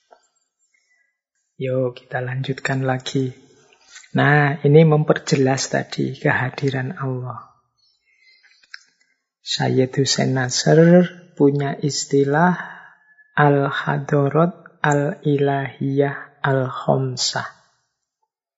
Al-Hadorot Al-Ilahiyah Al-Khomsah ini kehadiran ilahiyah yang lima. Jadi keberadaan Allah itu ada di lima level. Baik dalam mikrokosmos, berarti dalam diri mikrokosmos itu kan manusia, jagat kecil. Maupun makrokosmos. Makrokosmos itu jagat besar. Allah yang maha zohir sekaligus maha batin dan dia meliputi segala sesuatu itu kehadirannya tampak dalam lima alam. Al-Hadorot, Al-Ilahiyah, Al-Khomsah. Lima alam itu, lima level alam itu baik ada di alam yang makrokosmos maupun mikrokosmos. Ini teman-teman kalau istilah-istilah alam ini nanti kalau belajar tasawuf termasuk tasawuf-tasawuf yang membincang tentang wujudiyah atau martabat tujuhnya Allah mesti ada teori-teori tentang level-level alam ini. Dan setiap sufi kadang-kadang punya istilah dan tingkatan sendiri-sendiri. Kalau di Sayyid Hussein Nasr ini ada lima level alam. Ada alam hahut. Alam hahut ini Allah di level zatnya. Yang tak seorang pun tahu. Ada alam lahut. Alam lahut ini Allah di level sifat-sifatnya dan asmanya. Ada alam Jabarut, alam Jabarut ini alam murni, alam ideal. Ada alam malakut, alam malakut ini kalau manusia ya dimensi mentalnya. Kalau alam yang banyak di cerita-cerita alam hoib itu ya alam malakut. Di situ ada roh yang tidak tenang, yang macam-macam itu alam malakut. Dan yang paling kelihatan alam nasut. Alam nasut itu alam materi. Manusia di level materi, alam nasut. Manusia di level psikis mental itu alam malakut. Manusia di level kemurnian idealnya, level ruh itu alam jabarut. Nanti ada alam lahut, alam ketuhanan, tapi lahut ini masih makom asma wa sifat dan yang paling dalam adalah alam hahud Allah di levelnya sendiri. Nah, seperti apa kehadiran Allah dalam alam-alam ini kalau di makrokosmos itu Allah bikulli syai'im itu berarti Allah meliputi segala sesuatu. Itu adanya di makrokosmos. Makanya yang nomor satu alam hahut itu layernya paling luar kalau digambar itu. Baru bawahnya alam lahut Kemudian yang nomor tiga alam Jabarut, yang nomor empat alam Malakut, dan yang paling akhir alam Nasud, alam materi. Jadi Allah meliputi segalanya, baik yang Lahut, yang Jabarut, yang Malakut, yang Nasud. Ini kalau untuk alam semesta yang makrokosmos. Kalau untuk yang mikrokosmos, nah mikrokosmos ini berarti manusia. Prosesnya dibalik. Kalau manusia yang paling luar itu yang nasut, yang materi.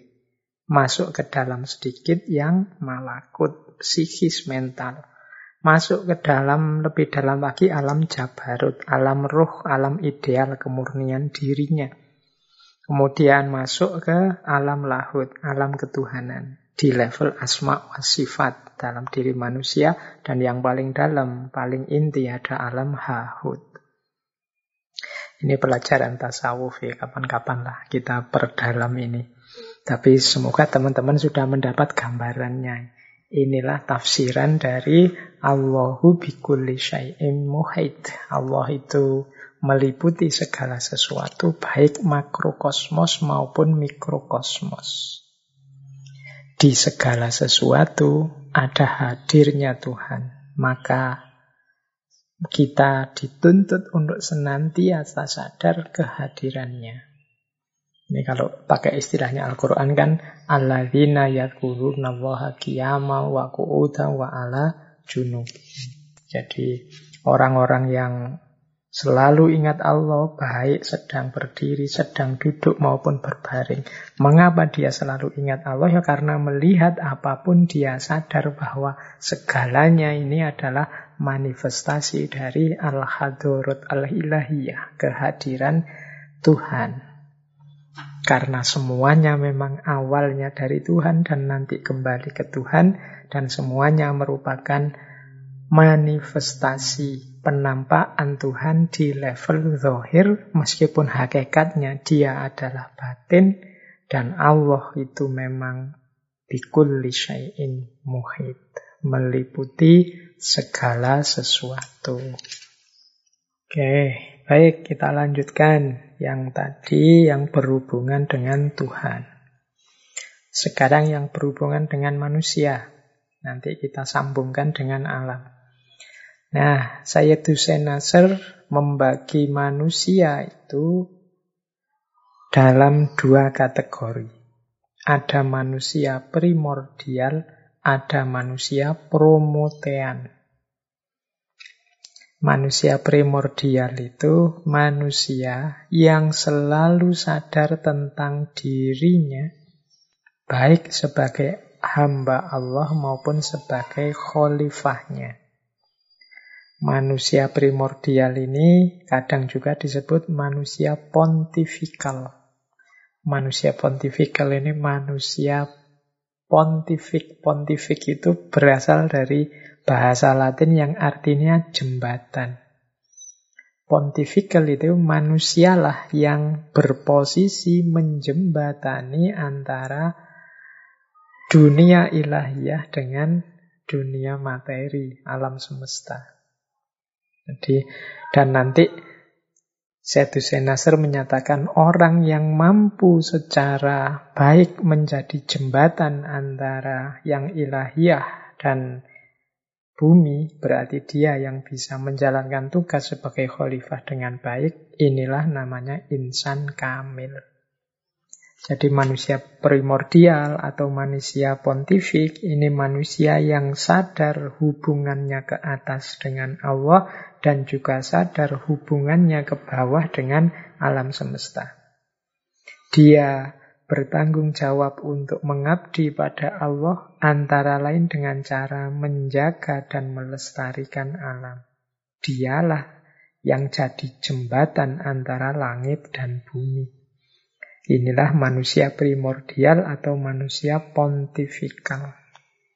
Dan manusia yang mampu dengan baik menjalankan tugas inilah yang nanti disebut insan kamil. Ya semoga kita semua termasuk kelompok manusia yang primordial ini. Yang kedua manusia promotean. Nah ini kebalikannya dari manusia primordial. Manusia promotean itu manusia yang mengingkari amanat dan tanggung jawab yang diberikan oleh Allah. Jadi manusia yang ingkar. Dia mengingkari eksistensi dirinya dan melakukan berbagai kerusakan dan manipulasi terhadap alam. Nanti di bukunya Setu Senasr menjelaskan manusia seperti ini kehilangan makna sakral terlarut dalam dunia yang mereka ciptakan sendiri. Ini orang-orang yang tadi, yang menyingkirkan wilayah sakralitas, wilayah ilahiyah dalam ekosistemnya. Menganggap ekosistemnya itu ya materi saja, ekosistemnya itu sesuatu yang dia bisa lakukan apa saja dan tidak sakral. Ini namanya manusia promotean.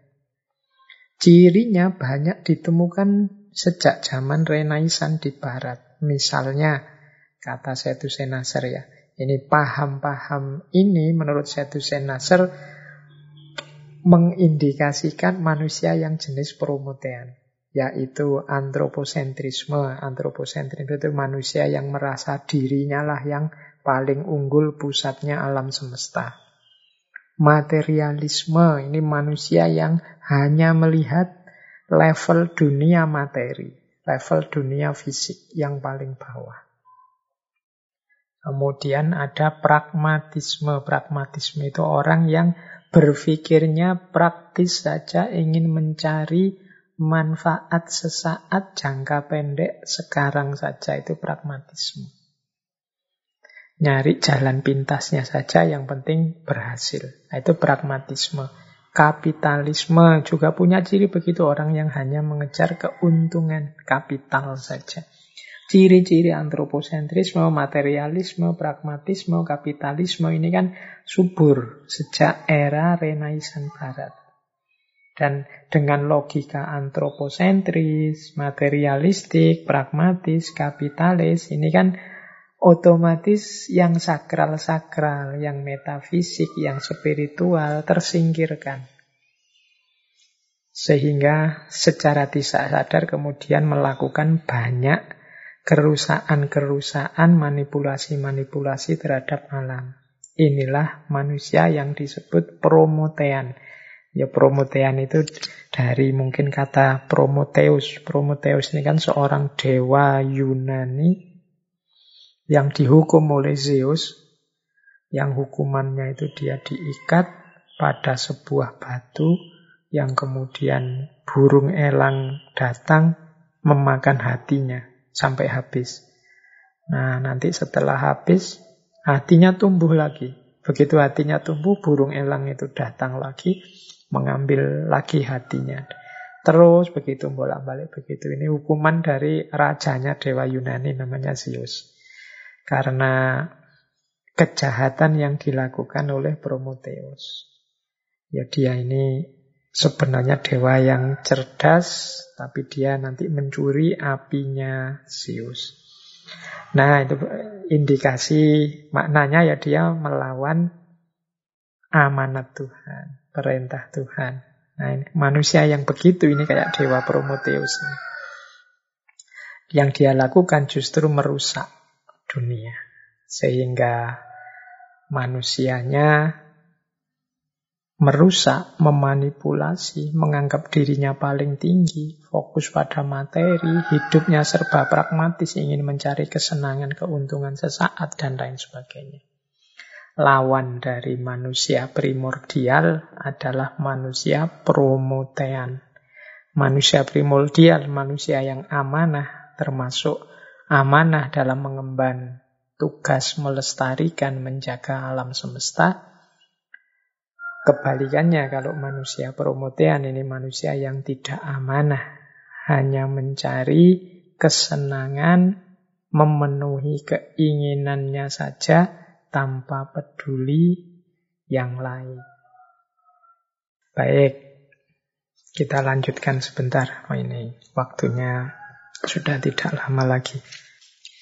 Nah, manusia primordial itu kalau menurut saya Hussein Nasr dia amanah terhadap dua tugas yang dibebankan oleh Allah. Amanah itu berarti dia bisa dipercaya. Tidak melalaikan tugas-tugasnya. Apa sih tugas yang dibebankan oleh Allah pada manusia itu? Yang pertama adalah tugas Abdullah dan yang kedua adalah tugas Khalifatullah. Menurut Syed Hussein Nasr, tugas Abdullah ini tugas yang pasif. Abdullah itu kan manusia memposisikan dirinya sebagai hamba Allah. Berarti dia menerima saja, menjalankan saja apa pun keputusan ketetapannya Allah. Termasuk yang berhubungan dengan alam. Termasuk dengan menetapi sunnatullah-sunnatullah yang sudah ditetapkan oleh Allah. Ini tugas-tugas Abdullah. Jadi kalau Abdullah itu orientasinya ke atas kepada Allah. Sifatnya pasif, manusia pasrah, menerima saja. Taat saja terhadap apa pun keputusan Allah. Yang kedua, tugas sebagai khalifatullah. Kalau tadi yang Abdullah ini manusia diminta patuh saja, menerima saja. Kalau untuk tugas khalifatullah ini ada aspek aktif aktif kreatifnya. Manusia harus melakukan upaya-upaya aktif. Kalau sehubungan dengan alam berarti secara aktif menjaga, memelihara, mengasuh alam sesuai sunnatullah. Manusia harus membuat strategi-strategi agar alam ini lestari, harmoni, seimbang sesuai dengan fitrahnya atau sesuai dengan sunnatullahnya. Itulah tugas kekhalifahan. Jadi tidak sekedar memancang kemajuan tanpa sadar batas diri. Tapi khalifatullah itu adalah maju tapi lestari, alam dimanfaatkan tapi sesuai dengan batasnya. Itulah tugas khalifatullah. Inilah cirinya manusia yang primordial. Dan ini sifatnya yo saling mendukung. Tidak mungkin seseorang itu sukses sebagai Abdullah kalau dia tidak sukses sebagai Khalifatullah. Penghambaan kepada Allah itu tidak mungkin berhasil kalau tanggung jawab pengelolaan alam semesta tidak berhasil. Sebaliknya, untuk sukses jadi Khalifatullah, ya manusia harus sudah sebelumnya beres sebagai Abdullah. Tidak mungkin orang bisa aktif kreatif kalau dia tidak menerima amanah, tanggung jawab, aturan, dan hukum yang ditetapkan oleh Allah. Jadi ini dua hal yang saling berkaitan. Maka kalau kita ingin jadi manusia yang primordial, ya pastinya kita harus menjadi Abdullah dan juga menjadi Khalifatullah. Baik, kita lanjutkan. Nah, Sayyid Hussein Nasr menyarankan kita untuk memahami alam tidak hanya menggunakan akal yang instrumental. Menggunakan rasio yang rasionalitas sesaat. Beliau menyarankan perspektif kita terhadap alam itu perspektif kearifan. Atau kalau dalam tradisi mistik itu dikenal istilah gnostik. Gnostik itu pemahaman yang empatik. Gnostik itu berbeda dengan metode ilmiah. Kalau metode ilmiah itu kan pemahaman berjarak, subjek dan objeknya terpisah. Kalau perspektif kearifan itu subjek dan objeknya menyatu. Jadi pemahaman gnostik itu kadang orang menyebutnya pemahaman intuitif. Kalau memahami secara gnostik itu kita memahami sesuatu yang sesuatu itu secara sinergis ada bersama kita, kita ada di dalamnya, atau yang kita pahami itu ada dalam diri kita. Makanya sering disebut intuitif. Kalau pakai akal itu kan memahami sesuatu, kita bergerak keluar. Berarti kita tidak termasuk yang dipahami. Wong kita keluar dari diri kita untuk paham. Tapi perspektif kearifan itu ya untuk memahami sesuatu kita melihat ke dalam. Melihat ke dalam itu maksudnya ya melihat diri kita sendiri ini loh. Mengapa kok melihat diri kita sendiri? Ya karena kita bagian dari yang sedang kita paham. Kalau kita tarik dalam pemahaman kita terhadap alam, berarti perspektif kearifan atau gnostik itu pertama-tama kita posisikan alam sebagai kesatuan dalam hidup kita, termasuk dengan diri kita. Ya ini berarti kita ini bagian dari ekosistem lingkungan kita yang ada di dalamnya. Sehingga ketika kita memahami alam, memahami ekosistem hidup kita, itu sebenarnya kita memahami diri kita sendiri. Berarti kita tidak bisa keluar. Kalau kita memahami keluar, ya berarti kita keluar dari objek yang kita pahami. Tapi kita memahaminya dari dalam. Dulu waktu sesi-sesi tentang pemahaman intuitif mungkin pas sesinya Henry Bergson atau ilmu laduninya Imam Ghazali di situ kan ada penjelasan bahwa pengetahuan intuitif itu level kepastian kebenarannya lebih tinggi. Karena orang yang memahami itu mengalami langsung, merasakan langsung apa yang dipahami. Atau terlibat langsung dalam apa yang dipahami. Nah ini perspektif kearifan. Berarti untuk lebih tepat kita memahami alam itu tidak dengan cara memposisikan alam sebagai objek yang dipahami dan kita manusia sebagai subjek yang memahami, tapi menyatukan alam dengan kita, lingkungan dengan kita, karena kita adalah bagian dari alam itu sendiri. Sehingga membacanya tidak keluar, membacanya ke dalam. Kita sebenarnya sedang memahami diri kita sendiri. Itulah namanya understand from the inside. Memahami dari dalam, tidak memahami dari luar.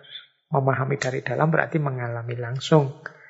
Sevalid-validnya informasi yang kita peroleh dari luar, pastinya kita akan menyebut lebih valid yang diperoleh dari dalam. Yang ngalami sendiri, kalau ada orang misalnya sedang mengkritik tentang pacaran misalnya ini, ada mahasiswa yang pacaran terus temennya mengkritik, bahwa kamu jangan pacaran, nanti kuliahmu keteteran loh. Pacaran itu ganggu kuliah. Dari mana kamu membacanya? Saya membaca-baca buku begitu. Kesimpulan saya secara rasional pakai silogisme ya juga begitu karena pacaran itu kan berarti menghabiskan waktu, menghabiskan emosi, kuliahmu mesti terganggu. Nah, ini membaca dari luar. Karena dia sumber informasinya keluar dari buku-buku, dari melihat orang pacaran. Tapi kalau nasihatnya begini, misalnya kamu jangan pacaran lah, pacaran itu ganggu kuliah. Kamu tahu dari mana? Saya ngalami sendiri dulu pas saya pacaran itu kuliahku terganggu luar biasa.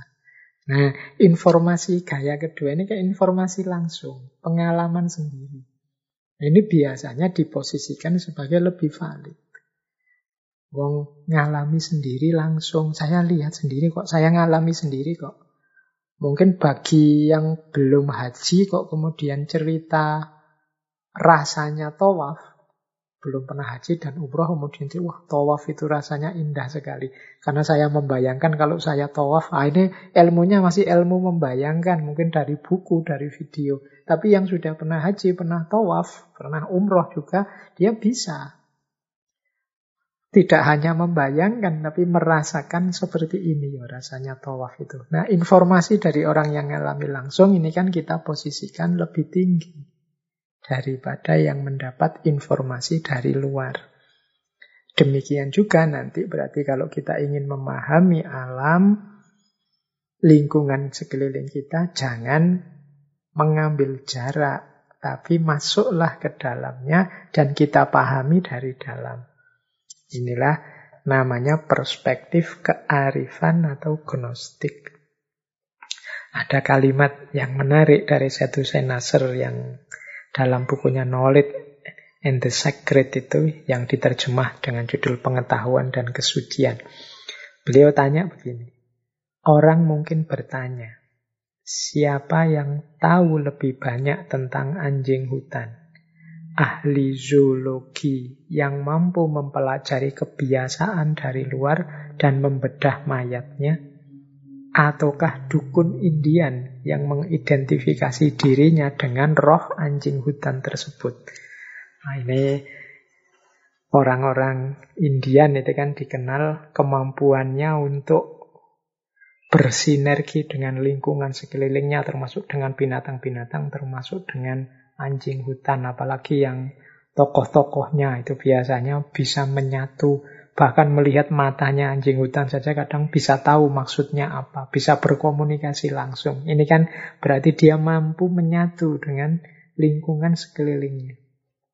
Dia ngerti kalau anjing hutan ini ingin apa, tidak cocok dengan apa. Itu karena dia merasa sudah bersatu, mengidentifikasi dirinya dengan dalam tanda petik rohnya anjing hutan yang ada di depannya. Nah, Setu Senasar terus tanya, kira-kira menurutmu siapa yang lebih paham tentang anjing hutan?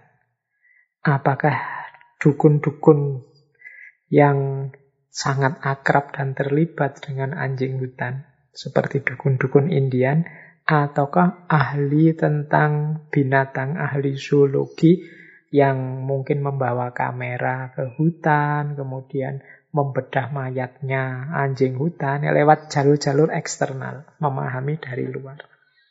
Memahami gejala, tidak melihat dari dalam. Ini sebenarnya pertanyaan retoris, ya maunya Setu Senasar kita menjawabnya, ya pastinya lebih paham orang yang mampu mengidentifikasi diri dengan roh anjing hutan itu. Buktinya mereka bisa paham apa maunya anjing hutan, apa yang membuat anjing hutan marah, apa yang membuat anjing hutan senang, dan lain sebagainya. Kalau ahli zoologi kan hanya melihat dari luar. Melihat dari luar itu tidak selalu maknanya pas. Kita lihat ada anjing hutan nangis misalnya, oh itu yang nggak paham, wah kasihan, anjing hutannya sedih misalnya. Kita melihat gejala dari luar. Tapi beda mungkin kalau dukun-dukun Indian tadi dia bisa menelami, menyelami. Ini nangisnya karena sedih apa karena dia terharu apa dia kesakitan apa ada yang ingin disampaikan. lain itu mereka bisa lebih paham. Mengapa? Ya karena para dukun Indian ini terlibat langsung dengan kehidupan si anjing hutan. Tidak hanya membawa kamera atau membedah mayatnya. Tidak hanya melihat gejala, tapi memang hidupnya sehari-hari melibatkan diri langsung. Ya sama seperti keakraban kita dengan binatang yang kita asuh atau yang kita pelihara. Dengan kucing kita, mungkin dengan anjing, siapa tahu ada yang memelihara anjing di antara teman-teman. Itu kan kita lebih paham. Ini sedang senang, sedang kesakitan, apa sedang gembira, apa sedang lapar, itu kan kita paham. Dari gelagat gejalanya. Dari mana kita tahu keakraban kita sehari-hari? Karena kita terlibat terus dengan dia. Yang tidak tahu mungkin hanya melihat dari luar, ya dia tidak akan bisa dapat informasi banyak. Mungkin dia hanya menafsir-nafsirkan gejala yang kelihatan saja. Nah, kita memahami alam, maunya Setu ya seperti para dukun Indian tadi. Tidak sekedar kita lihat dari luar, apalagi kita lihat dari atas karena kita merasa lebih tinggi, mereka makhluk rendahan. Tapi kita pahami dari dalam. Understand it from the inside. Mereka juga makhluk yang punya nilai, yang perlu dihargai, dan layak kita akrabi, kita dekati. Apalagi semua itu adalah manifestasi kehadiran Tuhan. Kalau Tuhan kita sakralkan, berarti alam semesta sekeliling kita juga harusnya kita hormati, tidak kita jajah, tidak kita rendahkan. Baik, kita lanjutkan. Nah, selain itu ada satu level lagi yang ingin disampaikan oleh Said Hussein Nasr tentang hubungan kita dengan alam adalah level hikmah. Kalau bahasa kita yang sering kita pakai ya. Level hikmah itu bagaimana kita masuk ke ranah spiritual dari alam kemudian mengambil maknanya. Coba kita lihat ya, salah satu kutipan dari tulisan beliau Man and Nature, The Spiritual Crisis in Modern Man. Kata Nasr begini, tidak boleh dilupakan bahwa bagi manusia non-modern, baik kuno maupun sakral, maupun kontemporer, segala sesuatu di alam semesta memiliki aspek sakral. Kosmos berbicara kepada manusia dan semua fenomenanya mengandung makna. Mereka adalah simbol dari tingkat realitas yang lebih tinggi yang sekaligus terselubung dan terungkap dalam kosmos. Struktur kosmos itu sendiri mengandung pesan spiritual bagi manusia dan dengan demikian merupakan wahyu yang datang dari sumber yang sama dengan agama itu sendiri. Keduanya adalah manifestasi dari akal universal, logos. Dan kosmos itu sendiri adalah bagian integral dari semesta makna yang seluruhnya di mana manusia di dalamnya hidup dan mati. Ini maksudnya begini. Jadi selain tadi Said Hussein Nasr menjelaskan bagaimana kita harus punya relasi yang ideal dengan alam, kita juga bisa mengambil makna aspek hikmah dari lingkungan ekosistem yang ada di sekeliling kita. Karena hakikatnya hadirnya segala di sekeliling kita itu tidak hanya gejala atau fenomena, tapi juga ayat. Ayat itu berarti sesuatu untuk dibaca, dipahami, diambil hikmahnya. Segala yang ada di lingkungan kita itu pelajaran-pelajaran. Nah, mudahnya begitu. Kan di antara moto yang sering saya singgung di ngaji kita ini ya segala sesuatu itu adalah pelajaran. Segala peristiwa adalah pelajaran termasuk alam lingkungan sekeliling kita. Ketika Al-Quran tadi saya sebut ayat afala yang zuruna ilal ibili kaifa khuliqat wa ila sama'i kaifa rufi'at dan seterusnya. Apakah engkau tidak melihat bagaimana unta diciptakan, bagaimana langit ditinggikan, dan lain sebagainya. Itu sebenarnya kan maunya Allah, mbok manusia itu belajar dari situ. Mbok manusia itu mengambil hikmah dari situ. Ada macam-macam pelajaran, ada macam-macam hikmah yang bisa kita ambil dari alam. Itulah sisi spiritualnya alam. Misalnya, kita kadang-kadang dalam ngaji ini menggunakan ilustrasi misalnya bumi. Bumi dengan segala kandungan keutamaan, keistimewaannya perlu kita hormati. Dari bumi kita bisa belajar bagaimana misalnya menjadi pribadi yang kokoh. Diinjak-injak, dijajah manusia yang angkara murka, tetap dia memberikan tetumbuhan, memberikan jaminan kesegaran lewat air di dalamnya pada manusia. Oh itu dari situ kemudian kita belajar. Oh berarti dari bumi saya harus belajar jadi pribadi yang kokoh.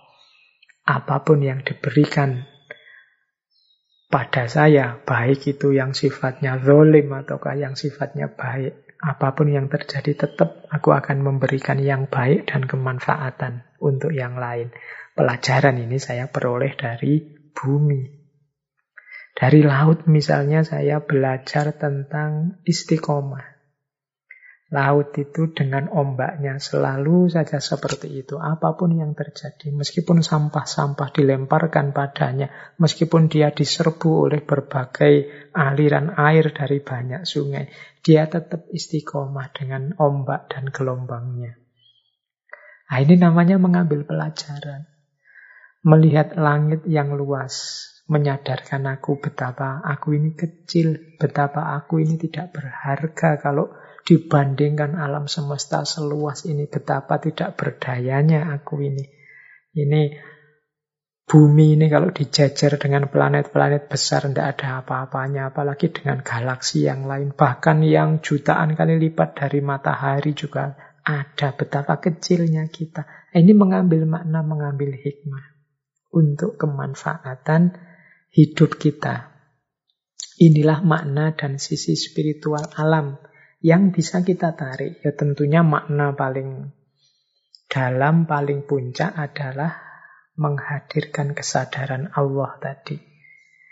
Ini kalau teman-teman senang dengan model makna seperti ini, boleh misalnya membaca kitabnya Imam Ghazali. Yang di situ beliau menjelaskan tentang rahasia penciptaan alam semesta dan makhluk hidup. Kalau tidak salah judul aslinya Al-Hikmah fi Makhlukotillah.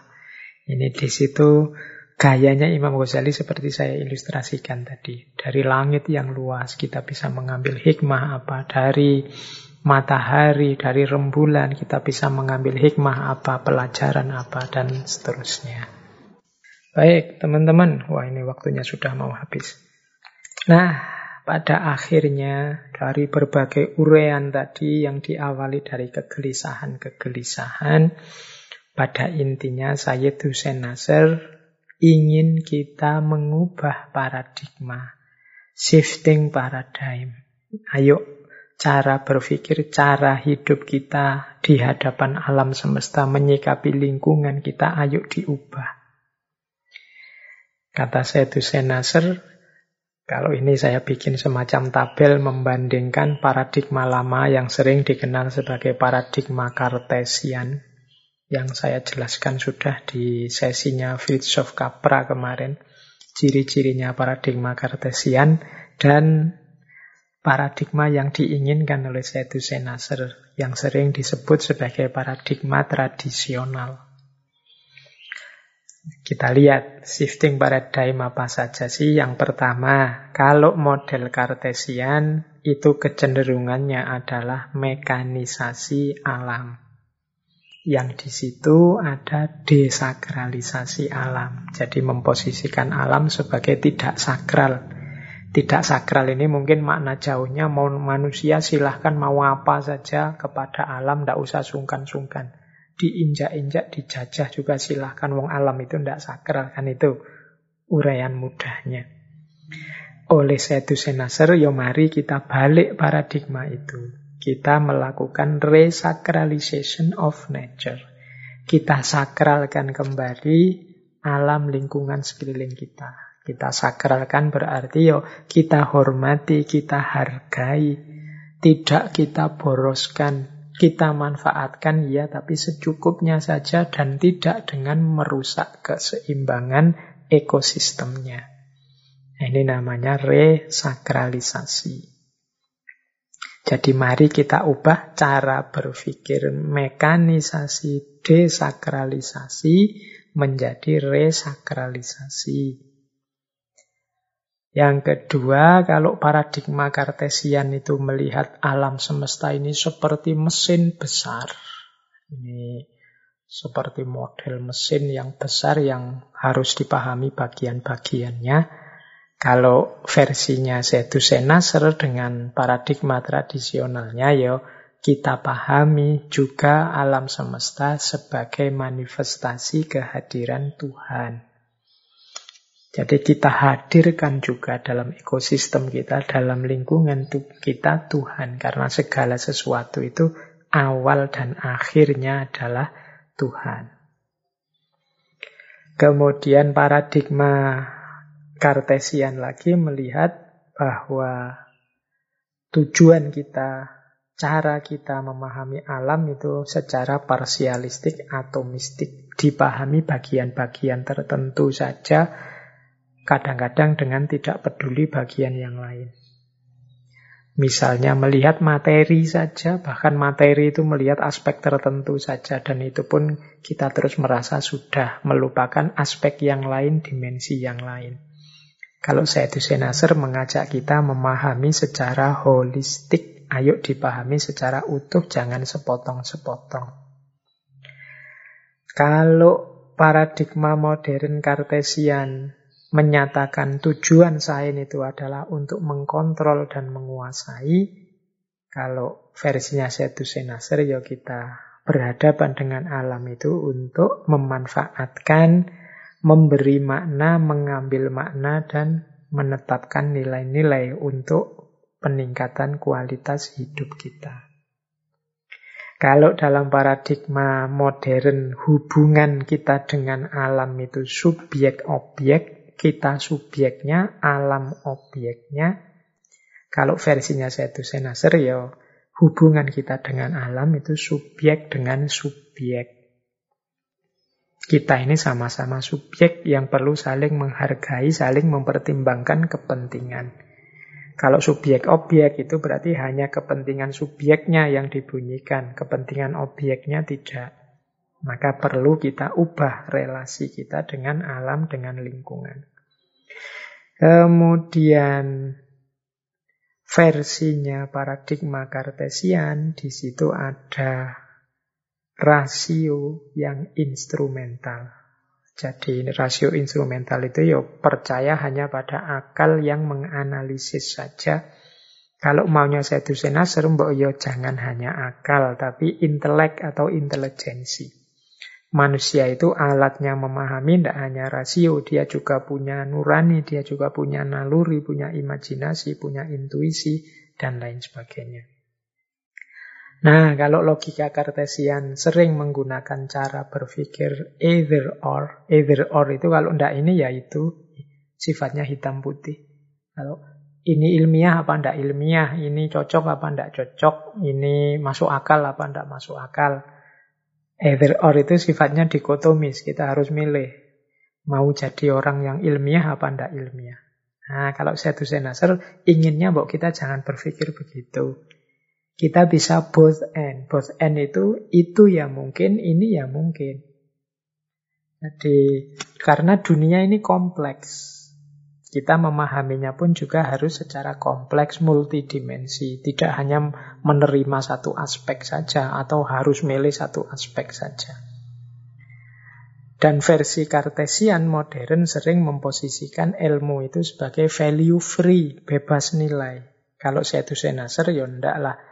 Kita harus tetap punya nilai-nilai yang ditegakkan, yang diperjuangkan. Tidak hanya sain for sain, tapi sain untuk kemanfaatan, untuk kemaslahatan manusia. Inilah shifting paradigm, perubahan paradigma yang diinginkan oleh Sedusen Nasr.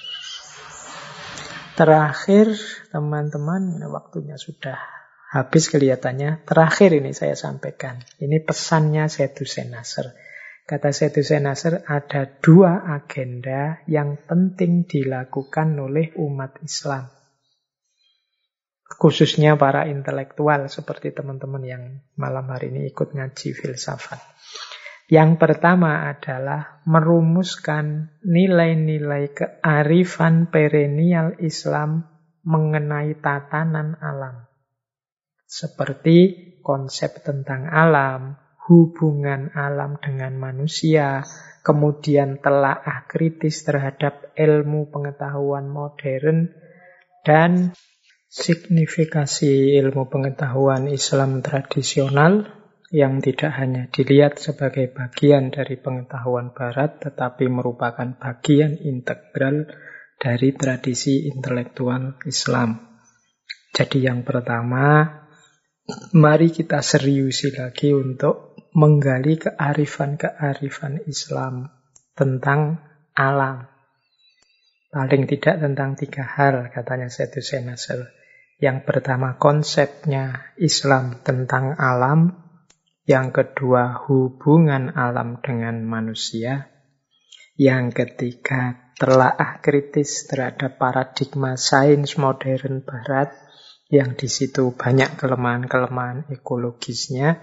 Dan yang keempat, signifikasi ilmu pengetahuan Islam tradisional. Dalam arti wawasan-wawasan keilmuan Islam kita itu sebenarnya luar biasa untuk melahirkan kearifan ekologis. Hanya saja kita selama ini melupakan itu. Kita larut dalam paradigma peradaban, paradigma berpikir yang diciptakan oleh Barat. Kemudian yang kedua, mari kita juga memperluas pemahaman tentang ajaran syariah dalam hal perlakuan etis terhadap lingkungan. Jadi sebenarnya ya ada sudah banyak ajaran-ajaran syariat tentang lingkungan. Teman-teman boleh membaca buku-buku misalnya tentang fikhul bi'ah, fikih lingkungan. Sudah banyak buku yang menulis itu, bahkan dalam bahasa Indonesia juga banyak fikih lingkungan. Dan kata Setu Senasar, mari kita pahami ini, kemudian kita aplikasikan sesuai dengan prinsip-prinsip syariah itu. Misalnya prinsip pelestarian, pemeliharaan alam, prinsip untuk mencintai dan bersahabat dengan semua makhluknya Allah termasuk binatang dan tumbuh-tumbuhan.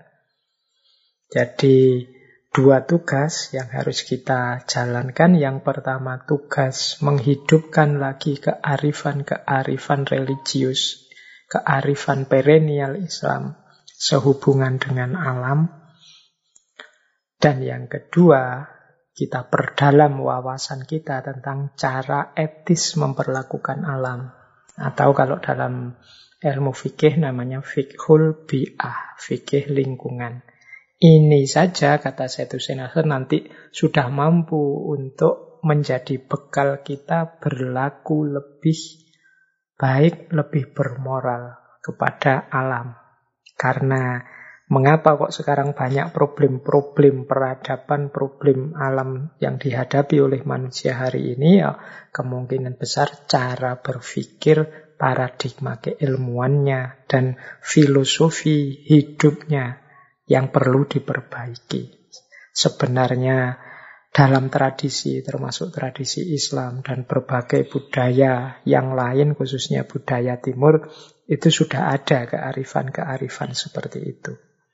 Hanya saja karena peradaban hari ini kiblatnya banyak pada mode scientific positivistik yang dikembangkan oleh Barat, akhirnya kita melupakan khazanah-khazanah yang berharga itu. Baik teman-teman, ini saya kira sesi kita untuk malam hari ini bisa kita cukupkan. Mohon maaf mungkin waktunya sedikit melandang, sedikit panjang sedikit lebih 2-3 menit. Kurang lebihnya mohon maaf, insya Allah kita lanjutkan minggu depan di tema yang lebih spesifik lagi. Kalau malam hari ini dari ranah keislaman, minggu depan kita ambil kearifan dari budaya kita sendiri. Kita ambil dari budaya Jawa. Di sana ada filosofi memayu hayuning bawono. Antara lain yang berhubungan dengan alam semesta. Baik, saya akhiri sekian. Kurang lebihnya mohon maaf. Wallahul muwafiq. Wallahu a'lam bisawab. Wassalamualaikum warahmatullahi wabarakatuh.